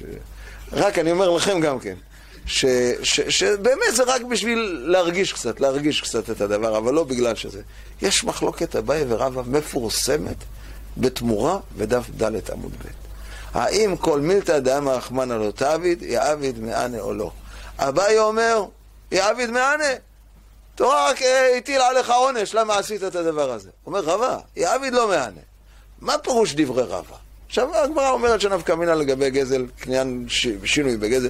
על כל פנים, הרבה נפקא מינות, הגמרא דוחה את כל הנפקא מינות מהפסוקים. אבל מה מתכוון רבא כשהוא אומר, כל מילתא דאמא רחמנא לא תעביד, יעביד לא מהנה. התורה הפקיעה לך את היכולת לעשות את אותה פעולה שהתורה אסרה עליך, בכל דבר שקשור בחלות. לדוגמה, כהן שיישא גרושה, בא ואמינא, בא ואמינא של הגמרא, כהן שיישא גרושה, אלמלא שיש פסוק. לפי רבא, כשהתורה אמרה לכהן לא לשאת גרושה, הפקיעה ממנו את היכולת לשאת את הגרושה. אז גם אם יישא גרושה זה לא יכול. כשהתורה אסרה על אונס לשלח את אשתו, הפקיעה ממנו את היכולת הזאת. התורה נותנה לך את היכולות, התורה הפקיעה, כשהיא אסרה עליך. אני באתי ואמרתי, לא זה החלק של הדרוש, זה החלק של סברה פשוטה, החלק של הדרוש עוד, עוד רגע תשמעו אותו, כן? אבל לפי ההיגיון הזה של רבא, כמו שזה נכון בלאווים, כך גם זה נכון בעשים. אם התורה חייבה אותך, היא לא מאפשרת לך להתחמק מהחיוב הזה. יש שתי אפשרויות להתחמק מהחיוב הזה. או שהוא מת ומוריש את הנכסים, כן? או שהוא מוכר אותם, או שנותן אותם. אם, הח... אם רובץ עליך חוב, קוראים לזה היום עיכול. היום מטילים עיכול על נכסים. כשיש לפנינו אדם שחייב כסף, או שהוא נמצא בהוצל"פ, מטילים עיכול. מה עושים בהטלת העיכול? לא מעבירים את הנכסים לאדם השני. מה עושים? מגבילים אותך ביכולת שלך להוציא את זה מרשותך. קוראים לזה או עיכול או דיספוזיציה. אתה לא יכול לשנות כלום בנכס. למה? כי רובץ עליך חוב. זה עיכול. שעבוד של תורה, לפי הבנת רבא, זה סוג של עיכול. לא מהני. מה? לא מהנה. אתה תמכור, זה לא יעזור, יבטלו את המכירה שלך. מה? לא פעלת בנכס. לא פעלת בנכס כלום. כן. לא, רגע, רגע, רגע, רגע, רגע. אז מכיוון, שנייה, שנייה. מכ... לא, לא, עכשיו אני אעשה את ההבחנה בין שיעבוד לבין עיכול. עיכול לא מאפשר לך בכלל למכור. שעבוד זה עיכול מצומצם. מה הכוונה עיכול מצומצם? אם יתברר שאתה לא פורע את החוב, אז זו המטרה של העיכול. למה אני מעכל? למה אני מעכל? כדי להבטיח את פירעון החוב. אין לי בעיה, תמכור, תעשה הכל. אבל שום דבר, זה רק בקרקעות. לי אם יש לי בעיה. או שאני מעכל, או שאני לא מעכל. זה כבר זז עשרים ידיים. אבל בקרקעות שזה נשאר במקום, מה הבעיה? תמכור. תיתן, תעשה מה שאתה רוצה. אבל דבר אחד לא תוכל לעשות. להתחמק מהחוב שלך. הגבלתי את הזכויות שיש לך בנכסים כשזה יתנגש עם פירעון החוב שמוטל עליך. וזה נכון, רק שנייה, זה נכון. בוודאי במלווה הכתובה בתורה. כשהתורה אמרה שאתה חייב לשלם נזיקים, שלם ישלם. פדיון הבן, כל דבר, ערכי, שהתורה חייבה אותך. היא אמרה לך, לפי ההיגיון הזה של רבא, אני לא צריך להגיד שהתורה לקחה את הנכסים שלך והעבירה אותם לכהן. לקחה את הנכסים שלך והעבירה אותם לניזק. די לי בזה שאני אומר שהגבלתי את יכולות המכירה שלך, את יכולות השינוע של הקרקעות, זה הכל. אה, אני לא צריך יותר מזה. אומר רבא זה שיבוד. זה שיבוד. מה, מה אתה אומר שואל על זה? פשוט לא מבין. כן. כאילו יוצא מזה כן. שהשיעבוד, כמו שאמרנו, הוא חל מזמן שאני לא גביתי. זאת אומרת שלא... לא הוא חל מרגע הלוואה. השיבוד חל מרגע הלוואה, אבל הוא לא לוקח נכסים מהלויבה. אז בשביל לחוש... מי יושב... איזה לקוח, כאילו, איך אתה, איך, איך, איך... תיקח צ'אנס. אתה רוצה לקחת צ'אנס, תיקח צ'אנס. לא, לא, בגלל זה. אתה שואל... לא, מה זה השיבוד? אני אומר, השיבוד התחיל כבר מההתחלה. אבל מה עשה? אני אתן לך דוגמה. עיכול נכסים שנעשה בזמן ההלוואה, כשבעיכול כתוב. בעיכול כתוב, אנחנו עושים את זה. כן? לפלוני מותר לך למכור, לאלמוני אסור לך למכור. אבל זה לא אומר... זה מכאן ולהבא. אתה לא יכול לדבר איתי על הלקוחות שהיו לי, שכבר מכרתי לפני... למה? השיבוד, אני מסביר. השיבוד חל מרגע שלווית. רק אומר רבא שלא תחשוב שהשיבוד יצר למלווה איזושהי אחיזה קניינית בנכסי הלוי, והיא לא יצרה שום דבר. אבל היא הגבילה את הלווה. אז אם תשאל אותי למה אפשר לגבות מהלקוחות, המכירה הזאת שמכרת לא יכלה לתת לך אפשרות להתחמק מהחוב. לא הייתה מכירה. היא לא, היא עיכול, היא כמו עיכול. הוא קנה סיכוי, הוא קנה סיכוי, כמו שכתובת כתובתה. לא, זה ודאי, אבידין שזה בין ליומא, זה ודאי, זה ודאי, זה כל אדם שקונה בלי אחריות, הוא קונה ככה, שיקנה באחריות. אבל תשים לב לנקודה, השיבוד מתחיל ברגע הראשון שנוצר החוב. תכף תראו המון המון נפקמינות בהגדרה הזאת.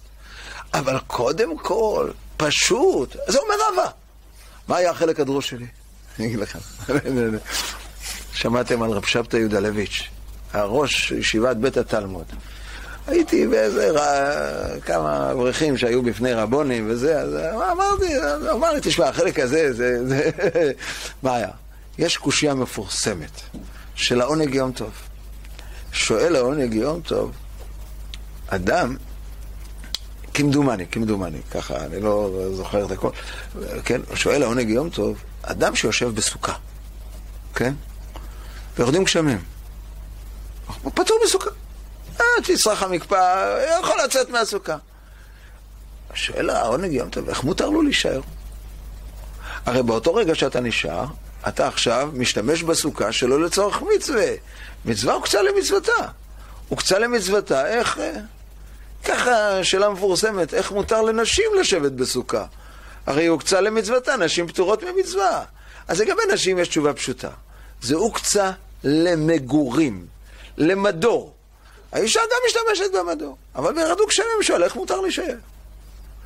לא זוכר את התשובה. אמרתי ככה, שכמו שאנחנו עכשיו הגדרנו, כל מילתא דמא אחמנו תעביד לא מענה בלאווים. עכשיו אנחנו אומרים ששיבוט זה בעשה, אותו דבר אבל בעשה. תיקחו את הדוגמה של העולה, של האישה. אומרים לגברת הזאת, אחרי שהפרישה את חטאתה, לא יעזור לך עכשיו. יש לך נכסים?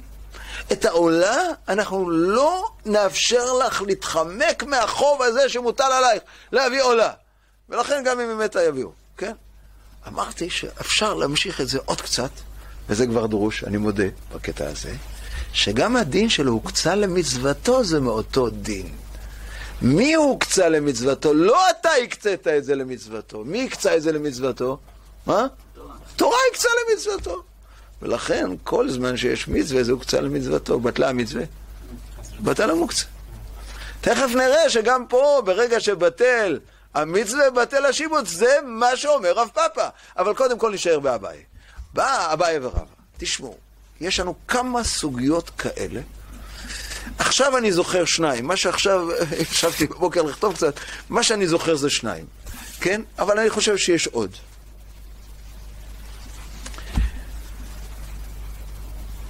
כתוב, גמרא, כתובות, דף פ"ז. משנה. אומרת המשנה שהפוגמת כתובתה צריכה להישבע. ופוגמת כתובתה, אומר לה הבעל, כן, אני שילמתי לך את כל האלף זוז, אומרת לו, 500 שילמת, אבל 500 לא שילמת. כתוב שיש שווה. את רוצה לגבות את החמש מאות ענות תברים? תשאלי. כתוב שם בגמרא, סבר רמי בר חמא לממר, שבועה דאורייתא.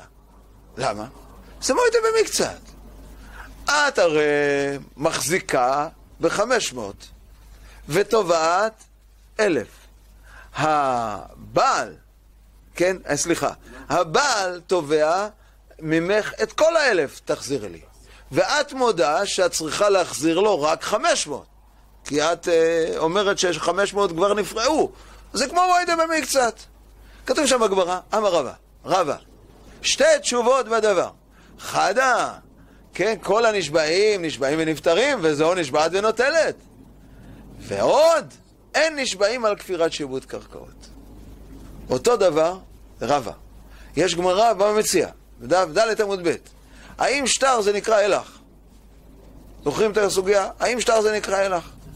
אה, אומרת הגמרא, אה, סליחה, האם חייבים בשטר?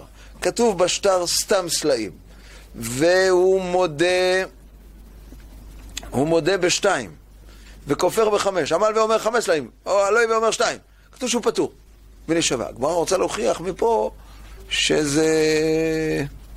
הגמרא רוצה להוכיח מפה כדעת מי שאומר שאלך אה, פטור. כן, אז הגמרא אומרת שם גם כן שתי תשובות בדבר. אחד, הוא לא יכול לכפור, זה הרמב"ם. ב', אין איש בהם על כפירת שיבוט קרקעות. זה שיבוט קרקעות, אין לי כפירת שיבוט קרקעות. כן, במקומות יש להם. אחד, קושייה. ועוד, אין איש בהם על כפירות שבת קרקעות. בפשטות היא אמרה, אם תאמר שיבוד עליו דאורייתא, יש לקושייה. וגם אם תגיד שיבוד עליו דאורייתא, אין בהם, אה, סליחה, וגם אם תגיד שיבוד עליו, אין איש בהם כפירות שבת. בכל המקומות האלה ברקע נמצאים כל הזמן שתי הגישות בשאלה מה זה שעבוד נכסים. האם שעבוד נכסים מקנה זכויות למלווה או לא מקנה זכויות לבעל חוב? אם הוא מקנה זכויות למלווה, אז כמו שאין נשבעים על קרקעות, כך גם אין נשבעים על כפירת שעבוד קרקעות, זה אותו דבר. הרי המלווה תובע את הקרקע, כשהוא תובע בשטר, הוא תובע את השיבוד כזה, קרקע. אני תובע, מגיע לי עשר קרקעות ואתה מודה בחמש. כן. אני מחזיק. בכל המקומות האלה יופיעו שתי השאלות האלה. לא בגלל שני הצדדים, אם שיבוד הדאורייתא או לאו דאורייתא, שיבוד הדאורייתא לכל השיטות. אבל מה זה שיבוד? האם שיבוד מגדיר את המלווה כאילו הוא אוחז בקרקע של הלויבה? אז זה נקרא קרקעות. זה כאילו תביעה על קרקעות, זה תביעה על קרקעות. אם זה תביעה על קרקעות שהמלווה מחזיק והלויבה כופר, אז לא נשבעים. אבל אם נגיד כמו רבא, שזה סוגיאן דה עלמא בכמה מקומות, תכף נראה ששתי הסוגיות של רב פאפה גם מתפרשות ככה, כן? ש... אבל אם נגיד שאין למלווה שום אחיזה בקרקע, זה הגבלות על הלויבה. תגידו לי, אם יש נגד הלוי ועיכול, זה נקרא קרקעות? מה, בגלל שיש לו עיכול? העיכול מגביל אותו, את היכולת למכור. למלווה אין כלום בקרקעות של הלוי. אז זה לא קרקעות. אם זה לא קרקעות, מה שייך להגיד לאין נשבעים על כפירת שיבוט קרקעות? זה מסיר את כל הקושייה של התוספות. התוספות שואל, למאן דאמר, אה, אה, אה, שיבוט הדאורייתא, מוידה במקצת, איך? וראיתם את החשבון, מאוד מעניין. שם גם הוכחתי שהרמב"ם לא יכול להחזיק את התירוצים. אני אגיד את זה בקיצור נמרץ. זה התוספות. מה התוספות מתרץ? מחל את השיבוד. או שאין לו קרקע או שמחל את השיבוד. שואלים האוילום, זה מושג מעניין. מי זה נקרא האוילום? זה לא ביבי ולא טראמפ ולא, ולא הפוליטיקאים. העולם זה הישיבות, זה העולם. איפה שמדברים בתרא, זה העולם. השאר זה הנספחים של העולם. כן? מקשים העולם, זה ביטוי מעניין. כן? כותב את זה כבר אטומים. כותב, לא הקצויס, אומר, עד כמה מה ש... מה? כתוב בגמרא ששבועת מודה במקצת קיימת רק בין תובע לנתבע, אבל לא בין היורשים. יורשים של התובע עם היורשים של נתבע, אין שבועה דאורייתא. מה שואלת איך יכול להיות ציור? הגמרא אומרת שהיורשים אומרים על חמישים ידנה וחמישים לא ידנה, אם היה חייב שבועה, זה היה מתוך, קבע שמלן שאין שבועה ולכן אין מתוך. זה גמרא לגבי שבועת השם תהיה בין שניהם. שואלים האילום, איך יכול להיות ציור כזה? הרי כדי לבוא לתבוע מהיורשים, חייבים לבוא מכוח שיבוד. אם חייבים לבוא מכוח שיבוד, אין נשבעים על כפירות שיבוד קרקעות. אין נשבעים על קרקעות. איך אפשר לבוא לתבוע את היורשים רק מכוח שיבוד? בלי שיבוד אי אפשר לתבוע. אם אתה בא רק מכוח שיבוד, אז איך אפשר לתבוע? הרי איך אפשר להשביע? הרי נשבעים על שביעת קרקעות. תירוצים, תירוצים, מעניינים. אקצויס מתרץ, מכאן מוכח שמיטלטלים משתעבדים מעיקר הדין. חיים תקנו. ולכן מיטלטלים, נגמר. כן? והדיון שם על מיטלטלים.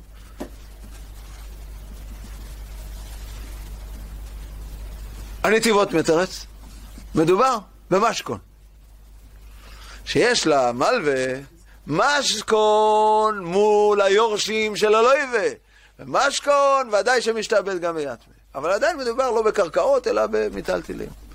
מעניין, ראיתי שמי שמעיר. רשב"א מפורש. מה, קצויס הביא רן שמתרץ במתשבד לא מפורש, מיטלטלים אגב קרקע. מאוד מעניין. קצויס, איך הוא יכול לשעבד? תכף נדבר. יכול לשעבד? אמרת שאי אפשר לשעבד. אז מה מועיל? קצויס בעצמו אה, מביא את זה. אבל איפה הייתי? תומים אומר... או, אז הרשב"א, הרשב"א מתרץ מדובר בפיקדון או בגזל. פיקדון, ולא בהלוואה. היורשים, התובע, תובע פיקדון אצל הבנים, היורשים של הנתבע. פיקדון, אני לא צריך שיבוד בשביל לגבות את הפיקדון. אותו דבר גזל. תובע, הבנים של התובע תובעים את הבנים של הנתבע שאבא שלכם גזל את אבא שלנו. אין שיבוד. יש חפץ באין שאני צריך לגבות אותו. אין שיבוד, על זה אומרת התורה שבועת השם תהיה בין שני ולא בין היורשים שאין שבועי. כן? כל זה, זה רק אם שיבוד היה בנוי על אחיזה, ואז הם נשבעים שהאבא שלנו מחזיק בקרקעות של האבא שלכם. אין נשבעים על קרקעות. אבל אם השיבוד, היכולת הגבייה מהיורשים לא נובע מזה שאבא שלנו מחזיק קרקעות של האבא שלכם. של, ש, שנמצאים אצל אבא שלכם. השיבוץ זה עיכול. זה כאילו יש עיכול, זה הדוגמה שתמיד תיקחו את זה כעיכול. עיכול עם סייגים, כן? אז זה, זה שום דבר, אז ודאי שיש שבועה ולכן צריך להשמיע ששם אין שבועה. למה אני אומר את זה ברמב"ם? למה אמרתי ברמב"ם מוכח? הרמב"ם כותב את ההלכה הזאת ששבועת השם תהיה בין שניהם ולא בין היורשים, ולא כותב אף אחד מהתירוצים. לא מדובר בשבט ביטלתי אגב קרקע, שמביא הר"ן. לא מדובר בפיקדון או גזל של הרשב"א. לא מדובר במשכון של, ה... של התומים. אה, הנתיבות אומר משכון. כן, של הנתיבות. אז בכל, הרמב"ם לא מביא. סימן שזה נכון בכל מקרה, גם בהלוואה. בלי פיקדון, בלי גזל, בלי משכון, בלי שיבוד. איך יכול להיות? אין נשבדים על שיבוד קרקעות? תשובה פשוטה, לפי ההגדרה הזאת שלנו בשיבוד, אין פה תביעת קרקעות בכלל, התביעה היא תביעת כסף. השיבוד הוא רק הגבלות על הלויבה. איקול על הלוי ולא קשור בכלל לאין נשבעים על קרקעות. פשוט. עכשיו תשבו. כל המשפט הזה של הגמרא שאין נשבעי שמע. רק לפי אביי, רק לפי אביי. זה סבר רמי בר חמא לממר, ושאל אותו רבא. לכן תמיד מופיע שני הסברים. כי זה לא מוסכם על כולם, כי רק אם אני מבין ששיבוט זה קרקע ממש, אין נשבעים. אבל אם שיבוט זה לא קרקע, אז, אז, אז זה לא נכון שלא נשבעים. אז למה? אז או בגלל שזה הלך בגמרא במציאה, או בגלל שכל הנשבעים נשבעים ונפטרים בגמרא בכתובות. בכל מקום אני חייב ל... אבל זה, עכשיו נחזור לענייננו, לרב פאפה, שזה כמין חומר. קודם כל, מה אמר רב פאפה פריעת בעל חוב מצווה? עכשיו, מה מקור השיבוד? אם אני אומר שהשיבוד הוא רק הגבלות ולא העברת נכסים לצד השני, ממה זה מתחיל? מהמצווה. אין מצווה, אין שיבוד. מה אמרנו לפי רב פאפה, איך אפשר, למה צריך פריאת בעל חוב מצווה עם שיבוד הדאורייתא? רב פאפה לפי הריף אומר שיבוד הדאורייתא, אז מה אתה צריך פריאת בעל חוב מצווה? עד כדי זה שאני פוטר את היתומים. אל תשאלו אותי עכשיו למה לא מפעילים שם את השיבוד מיורשים. לא ניכנס לזה, שואלים את זה, התומים שואל את זה. אבל לפי מה שאני אומר, זה ברור שבמקום שאין מצווה אין שיבוד. אין חיוב, אין שיבוד. עכשיו אני אגיד גם לכיוון ההפוך. שאם יש חיוב, אפילו שאין שיבוד, יש שיבוד. תכף נראה. הבנתם את התשובה הזאת? זה פשוט, פשוט. גם זה מתרץ. למה הבכור לא נקרא, למה הבכור לא נוטל פי שניים לפי רב פאפה? כי זה לא נקרא מוחזק. השיבוד לא יצר שום מוחזקות לאבא. השיבוד הגביל את הלווה. יצר עיכול על הלווה, לא נתן כלום לאבא. לאבא אין כלום. והרמב"ם פוסק את זה, כמו שאמרתי, הלוך למעשה, שבין גבו קרקע, בין גבו מעות, אין לו, על אף שהוא פוסק שעיבוד הדאורייתא. תשמעו עוד רמב"ם, שמסתדר יפה. לפי ההגדרה הזאת. זה קצת עכשיו מחושבן. מחושבן. הרי לפי ההגדרה הזאת, שאנחנו אומרים שמה שיוצר את השיבוט, זה לא לקחתי נכסים ממך והעברתי נכסים למישהו אחר. אלא הגבלתי אותך, יצרתי עליך עיכול, אני לא מאפשר לך לברוח מהחוב. לא תוכל לברוח מהחוב. יש דיון בדאיקנה, אדם שקנה נכסים אחרי ההלוואה. האם הנכסים האלה משתעבדים או לא? שאלה מפורסמת של כל הראשונים. כתוב במשנה ששית רחוב המאוחרים כשרים. למה? מה הבעיה? מה הבעיה? בשיטרו חוב מוקדמים אני גורם פסדה ללקוחות. מי שקנה ממני לפני הלוואה ייפגע. אבל לשיטרו חוב המאוחרים שכתבתי תאריך מאוחר יותר, מה הבעיה? שואלים כל הראשונים, בטח שיש בעיה. אם הוא קנה אחרי ההלוואה, לפני התאריך שכתוב. אני נתתי הלוואה עכשיו. לקחתי הלוואה עכשיו. כתבתי בשטר שההלוואה הייתה בעוד חודשיים. מחר, מכרתי את הבית שלי.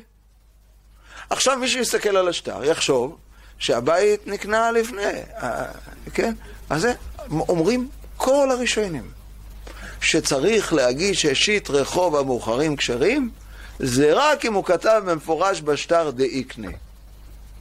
רק שטר חוב מאוחר שכתוב שהלוי ומשעבד גם את הנכסים שיקנה בעתיד, רק אז השטר חוב כשר. אבל אם לא כתוב בתוך השטר שהוא משעבד את הנכסים בעתיד, השטר פסול. יש לי אותו חשש שיש לי בשטר מוקדם, יש לי בשטר מאוחר. מה? שהוא ימכור נכסים שקנה אחרי ההלוואה. קנה ומכר אחרי ההלוואה. כך צריך לומר. אומר, מגיד משנה, פרק י"ח, תחילת פרק י"ח. נכון, א', שם כתוב שיתרחו במוחים כשרים. מביא המגיד משנה שכל הראשונים אומרים, חייבים להגיש שמדובר בדיקנה. שכתוב בתוך השטר. איך נעלם מהרמב"ם? כתב הרמב"ם כותב את הדין הזה בלי לכתוב שרק בשטר שכתוב בו דאיקנה. וצורך עיון, אומר המגיד משנה. תשמעו עכשיו. זה פשט, פשט, אני חושב. זה, זה ממשיך עם המגיד משנה. לכן המגיד משנה אומר, לא צריך עיון גדול, צריך עיון, אתה יודע. תגידו לי, בלי שכתוב דאיקנה, קניתי נכסים אחרי ההלוואה. הנכסים האלה משתעבדים או לא? מי עיקר הדין? אחרי שאני פוסק שיבוד הדאורייתא. עכשיו תשימו לב טוב איך מתהפך הכיוון פה. אם אני אומר שאני מעביר נכסים מהלוי ולמלווה, מתי אני מעביר אותם? בזמן ההלוואה. אבל אם אני אומר, אני לא מעביר שום נכסים, אלא כל זמן שרובץ עליך החוב, אתה לא יכול לפרוע. כן? אז גם נכסים שקנית אחר כך, גם משתעבדים. אתם רוצים מישהו שאומר את זה במפורש, מהראשונים? תוספות בבכורות בדף מ"ט עמוד ב'. שם תוספות מתלבט בשאלה לגבי פדיון הבן שהוא ובנו לפדות. אה, מחלוקת רבי יהודה וחכמים, מי קודם, הוא קודם או בנו קודם, הגמרא עושה חשבון עם שעיבוד נכסים. ואז שואל התוספות, שמה, על איזה נכסים מדובר? שהוא קנה אחרי שנולד הבן או לפני שנולד הבן? תראו, תראו בתוספות שם. תביא בכורות שנייה, אני רק אקרא את המילים האחרונות של, ה, של התוספות. רגע, אבל מה שהפרסקים כותבים אה, שזה דווקא באיקנה, זה על פי הגמרא בקנ"ז, ש... נכון. שצריך, רגע, רגע, שצריך דאיקנה, ובלי דאיקנה לא עובד.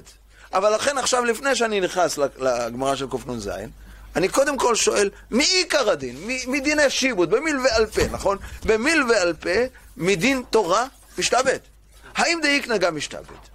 אני לא צריך לכתוב כלום, לא, לא, לא לגבי הנכסים, כן? בפשטות הגמרא משמע רק אם הוא שאיבד את עצמו, בדיוק, תכף. אבל אני אומר, לכאורה, לפי מה שאני אומר, שלא צריך העברת נכסים למלווה, לא זה השיבות, אלא כל זמן שרובץ עליך החוב, כל מה שיש לך משועבד לצורך החוב, מה זה משנה אם זה היה בשעת הלוואה או לא היה בשעת הלוואה, הגיע אחר כך, רובץ עליו, מה אומר התוספות? תוספות, דף מ"ט עמוד, אני קורא, ועוד יש לו אמר, דנכסים שקנה אחרי כן, חל עליי הוא שיבוד לעניין פדיון. נולד, קנה אחר כך. הגיע לגיל 13, האבא פה, וקנה אחר כך. ואף על גב דלא כתיב די יקנה. ופה בפדיון הבן, לא מדובר ברחוב של... דכל שעתה ושעתה, כן, אפשר לומר. דכל שעתה, אני קורא את הלשון של התוספות. דכל שעתה ושעתה, רכיב עלה חיוב פדיון. וכיוון דחשבינן לה כמילווה בשטר, את החוב הזה, את החוב שרובץ עליו פדיון, הווה כאילו נכתב לאחר שקנה הקרקעות. זה לשון התוספות, כן? אומר התוספות, מה שאני צריך לבדוק זה רק דבר אחד. רובץ עליך החוב או לא רובץ עליך החוב? רובץ עליך החוב. אז מה זה שהגמרא בדף קנ"ז אומרת שרק אם כתוב דאיקנה או לא? זה אומר המגיד משנה, אני ממש תמה פה. אומר המגיד משנה, כי צריך להוסיף פה. אומר המגיד משנה בעצמו. למה צריך דאיקנה? אומר המגיד משנה, לא בגלל שהדאיקנה משעבד. עכשיו דברי הקצועיס מובנים היטב, שגם למען, וגם הרידב"א, שאין קניין לחצועין, שגם למען דבר שיבוד הדאורייתא אי אפשר ליצור את זה. אי אפשר, רק אם התורה יצרה את זה. אני לא, אם הייתי מקנה לך, אני יכול להקנות לך. מה השאלה שלך? זה לך צאן? אם התורה אמרה שאפשר לייצר דבר כזה, אז גם אני יכול לייצר. אבל אם זה לא הקנאה בכלל, זה מה שאומר הקצות. זה לא הקנאה. התורה מחזיקה את הנכס, תופסת אותו, שלא תבריח אותו, שלא תבריח את הנכס, תמכור אותו. זה מה שהתורה, אז איך אפשר לעשות את זה? אדם לא יכול לעשות את זה. אז מה זה שאדם יכול להקנות די יקנה? לפי הקצועס, אני שואל, לפי הקצועס, מה עוזר דה איקנה? הרי אתה אומר שלגמרי דמה שיבודה דאורייתא, אי אפשר לשעבד שיבוד כזה, כן, אני שואל את זה גם לפי הרדפה. כן? לכאורה, לכאורה, אני אומר, מסתום יש תירוצים. אבל תשמעו, אומר המגיד משנה, יש לנו רק בעיה אחת, שקוראים לה אחריות טעות סופר. כשאני אומר ששטר שלא כתוב בו אחריות נכסים, הנכסים משובדים, כלל אחריות טעות סופר, הפשט הוא ככה. הפשט הוא לא, תשמעו טוב. זה לא בגלל שאנחנו סיכמנו שאנחנו משעבדים את הנכסים, רק מה, הסופר שכח לכתוב את זה. אנחנו לא סיכמנו כלום. לא סיכמנו שום דבר. מי משעבד? שיבוד הדאורייתא. רק יש לי בעיה. אז למה לא כתבת את זה בשטר? זה שלא כתבת את זה בשטר זה הוכחה שמה? שמחלת, שלא שיבדת. כמשמע לן אחריות טעות סופר, שזה השמטה שרירותית ולא השמטה מכוונת. אבל לא שהכוונה, מה משעבד, זה אחריות שכתובה בשטר. ואני רק מחדש שגם אם זה לא כתוב, כאילו שהבנתם במפורש, וזה רק טעות סופר. הפוך, השיבוד חל גם בלי שאני אכתוב. רק זה שלא כתבתי, אולי מה, זה מחילה על השיבוד, אני מוותר על הפעלת השיבוד. כמה שמנה, טעות סופר שלא ויתרתי על השיבוד. אומר הרמב"ם, אומרת הגמרא בדף קנ"ז, זה נכון בנכסים שהיו בשעת ההלוואה. אבל בדאיקנה, אם לא כתבת, אז אחריות היא לא טעות סופר, היא מכוונת.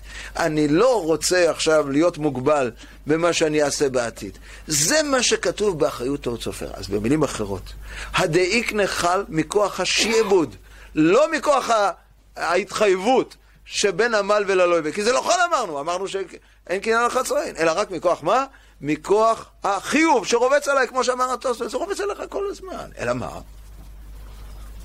לא כתבת, סימן שוויתרת על זה. תשמעו, כמין חומר, ממש כמין חומר, לעניות דעתי.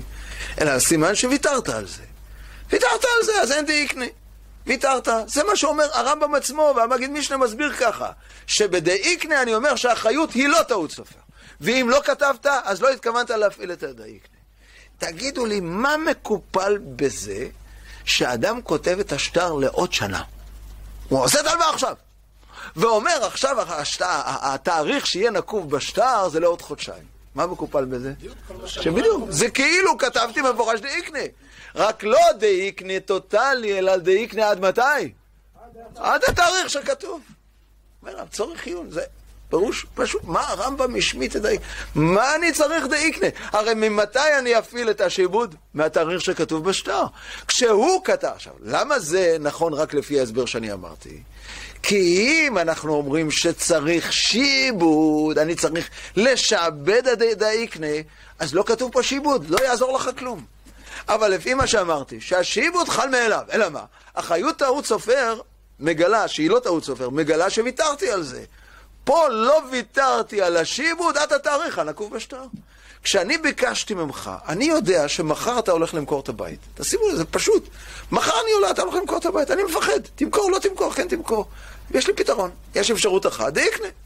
כל מה שתקנה בעתיד יהיה משובד. אומר הלוי, וסליחה, אני אקנה בעוד שנה, גם כן תבוא אליי. הוא אומר, לא, לא, לא, יש לי בעיה רק בבית הזה שמחר אתה הולך למכור אותו.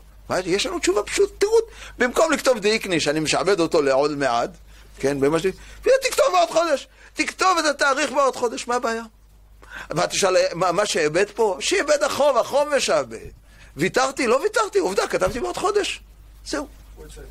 מה? כמו צ'ק לעוד חודש, גמרנו. אז אתה... כאילו שנכתב בזמנו זה כאילו הבן אדם מחל על האיקנה. ודאי, ודאי, זה אם אני אומר, זה מפורש. אם אני אומר אחריות לאו טעות סופר, בדאיקנה.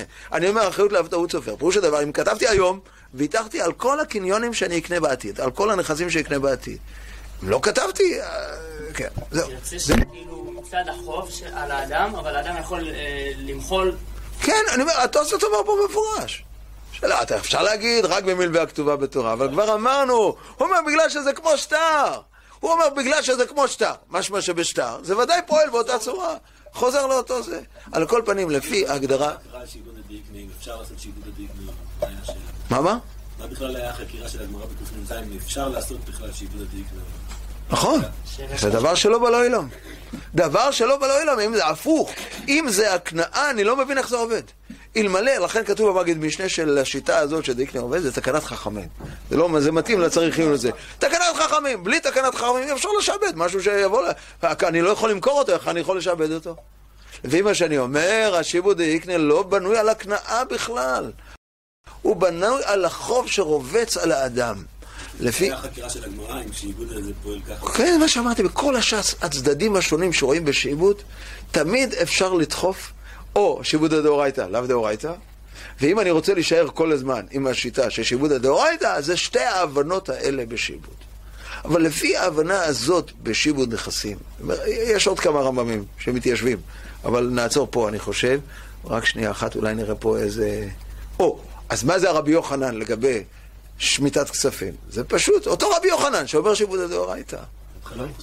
ודאי, זה מה שאמר רב אסי. רב אסי אמר, מה זה כמו משכון? כמו משכון, יש לי את הקרקעות של הלויבה ביד, ואני יכול לממש אותם בעל כורחו. אני לא צריך לנגוס בך, את שלך, את של אחיך בידיך, ולא את של, שלך בידיך, כן? כן, כמו שגמר אומרת. גם בקרקעות זה קרקע, אותו דבר, כן? ויש... טוב, אבל זה כבר באבן העזר. סוטה שלא שתתה ומת בעלה. מחלוקת. בית שמאי ובית הלל, אבל לא ניכנס לזה. יש רמב"ם מעניין מאוד שם. על כל פנים, בואו נראה רק שאם יש עוד איזה משהו ש... כן, כן. או, עכשיו נחזור לריב, זה משם התחלנו. אבל על כל פנים, זה רבי יוחנן. רבי יוחנן ורב אסי, מפני שאנו מדמים נעשה מעשה, אני לא בטוח שזה כמו משכון. כן? מה אומר הריב? מה אומר רב פאפה? אמרתי שתי ה... אם זה הקנאה בשעת ההלוואה הקניתי למלווה מנכסי הלויבה. אז למה לא גובים במלווה על פה מלקוחות? סימן שכשחכמים משום לית לקלה מה עשו? ביטלו את ההקנאה הזאת, ביטלו את ההקנאה, איך אפשר לגבות מיורשים? איך אפשר לגנות מיורשים? אומר הריף, רב פאפה, שם אומר, או כמו הדאורייתא, תקנו תקנה משום שלא תנעון דלת בפני לווין, שכלפי יורשים כאילו לא הפקענו, אבל תשימו לב, ברגע שאני אומר שגובה, שלא גובה מהלקוחות, הפקעתי את ההקנאה. הפקעתי את ההקנאה, אז גמרנו, המלווה לא מחזיק כלום בנכסי הלויבה, אז גם אם הוא באמת לא היו יכולים לגבות. אז למה בכל זאת אמרנו שאפשר לגבות? בגלל שדין דאורייתא היה אפשר לגבות, לכן שלא תנועד אלף כל זה, בבטרה. גמרא, שלנו, אני לא צריך לומר, העיכול נכון ביחס ליורשים, לא נכון ביחס ללקוחות, זה כל מה שכתוב בגמרא.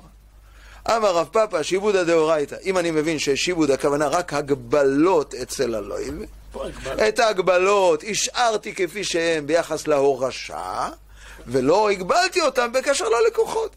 עשיתי, עשיתי עיכול חלקי. כן, אין בעיה לעשות.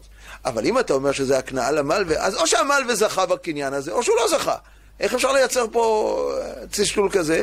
אומר, הריב שמה הוא כמו הדאורייתא, שגם למאן דאמר. ממילא, אני אומר, כל המקומות, הסוגיות האלה, יש עוד כמה סוגיות של לפאר לפי ההיגיון הזה, ששיבוד לא יוצר, לא יוצר אחיזה של המלווה בקנייני הלווה. וזה מתחיל מאביי ורבא, הפשוטים. מכאן הוא לאבא הוא גובה, הוא מפריע הוא גובה. פשט הפשוט במחלוקת, כן. כן, אז זה מה שרצינו לומר, מה שהשח מביא מפריעת בעל חוב מצווה, שמשם הוא הכריח איך אפשר להגיד ברב פאפה, כן? מש... וממה שהוספנו מהגמרא והבטרה של רב פאפה שבכור לא נוטל פי שניים, אז זה ברור לפי ההבנה שאנחנו אמרנו, שזה אחד תלוי בשני. וגם הדאיקנה. שהזכרנו, עד כאן. אומר, מה הריף, קודם כל, הריף... כן, מה אמרו? למה צריך הסבר ליורשים?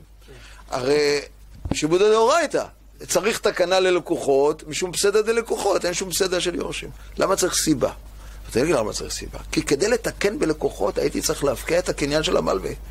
היה קניין למלווה בנכסים. הייתי צריך להפקיע, הייתי צריך להגיד שבמלווה, הוא לא זוכה. בקניינים אצל הלויבה. אם הוא לא זוכה, אז מאיך את אצל שיגבו מהיורשים? היו צריכים לתקן, שלא תינו עד אלף ולווין, או כמו הדאורייתא. אבל זה על בסיס ששתי הסוגיות זה שתי ההבנות בשעבוד הדאורייתא. ההבנה, כן? בסגנון של התוספות, שזה שתי, אה, שזה שתי, שזה שתי סוגיות שסוברות אה, שיבוד הדאורייתא עליו דאורייתא. פה אני אומר, לא, לכולי עלמא הרב פאפא אומר שיבוד הדאורייתא. בזה לא היה ויכוח. עכשיו, איך להסביר את דבריו, זה תלוי בשאלה איך אנחנו מבינים שיבוד. אם אני מבין ששיבוד זה הקנאה, אני לא מבין איך אפשר לעשות הבחנה בין, מיל ו... בין יורשים ללקוחות. או שביטלת את הקניין למלווה, או שלא ביטלת. אבל אם אני אומר שזה לא הקנאה, אין שום בעיה לומר שהעיכול חל כלפי הלקוחות, אה, כלפי היורשים, לא חל כלפי הלקוחות. זה הכל. תעבדו את זה. טוב.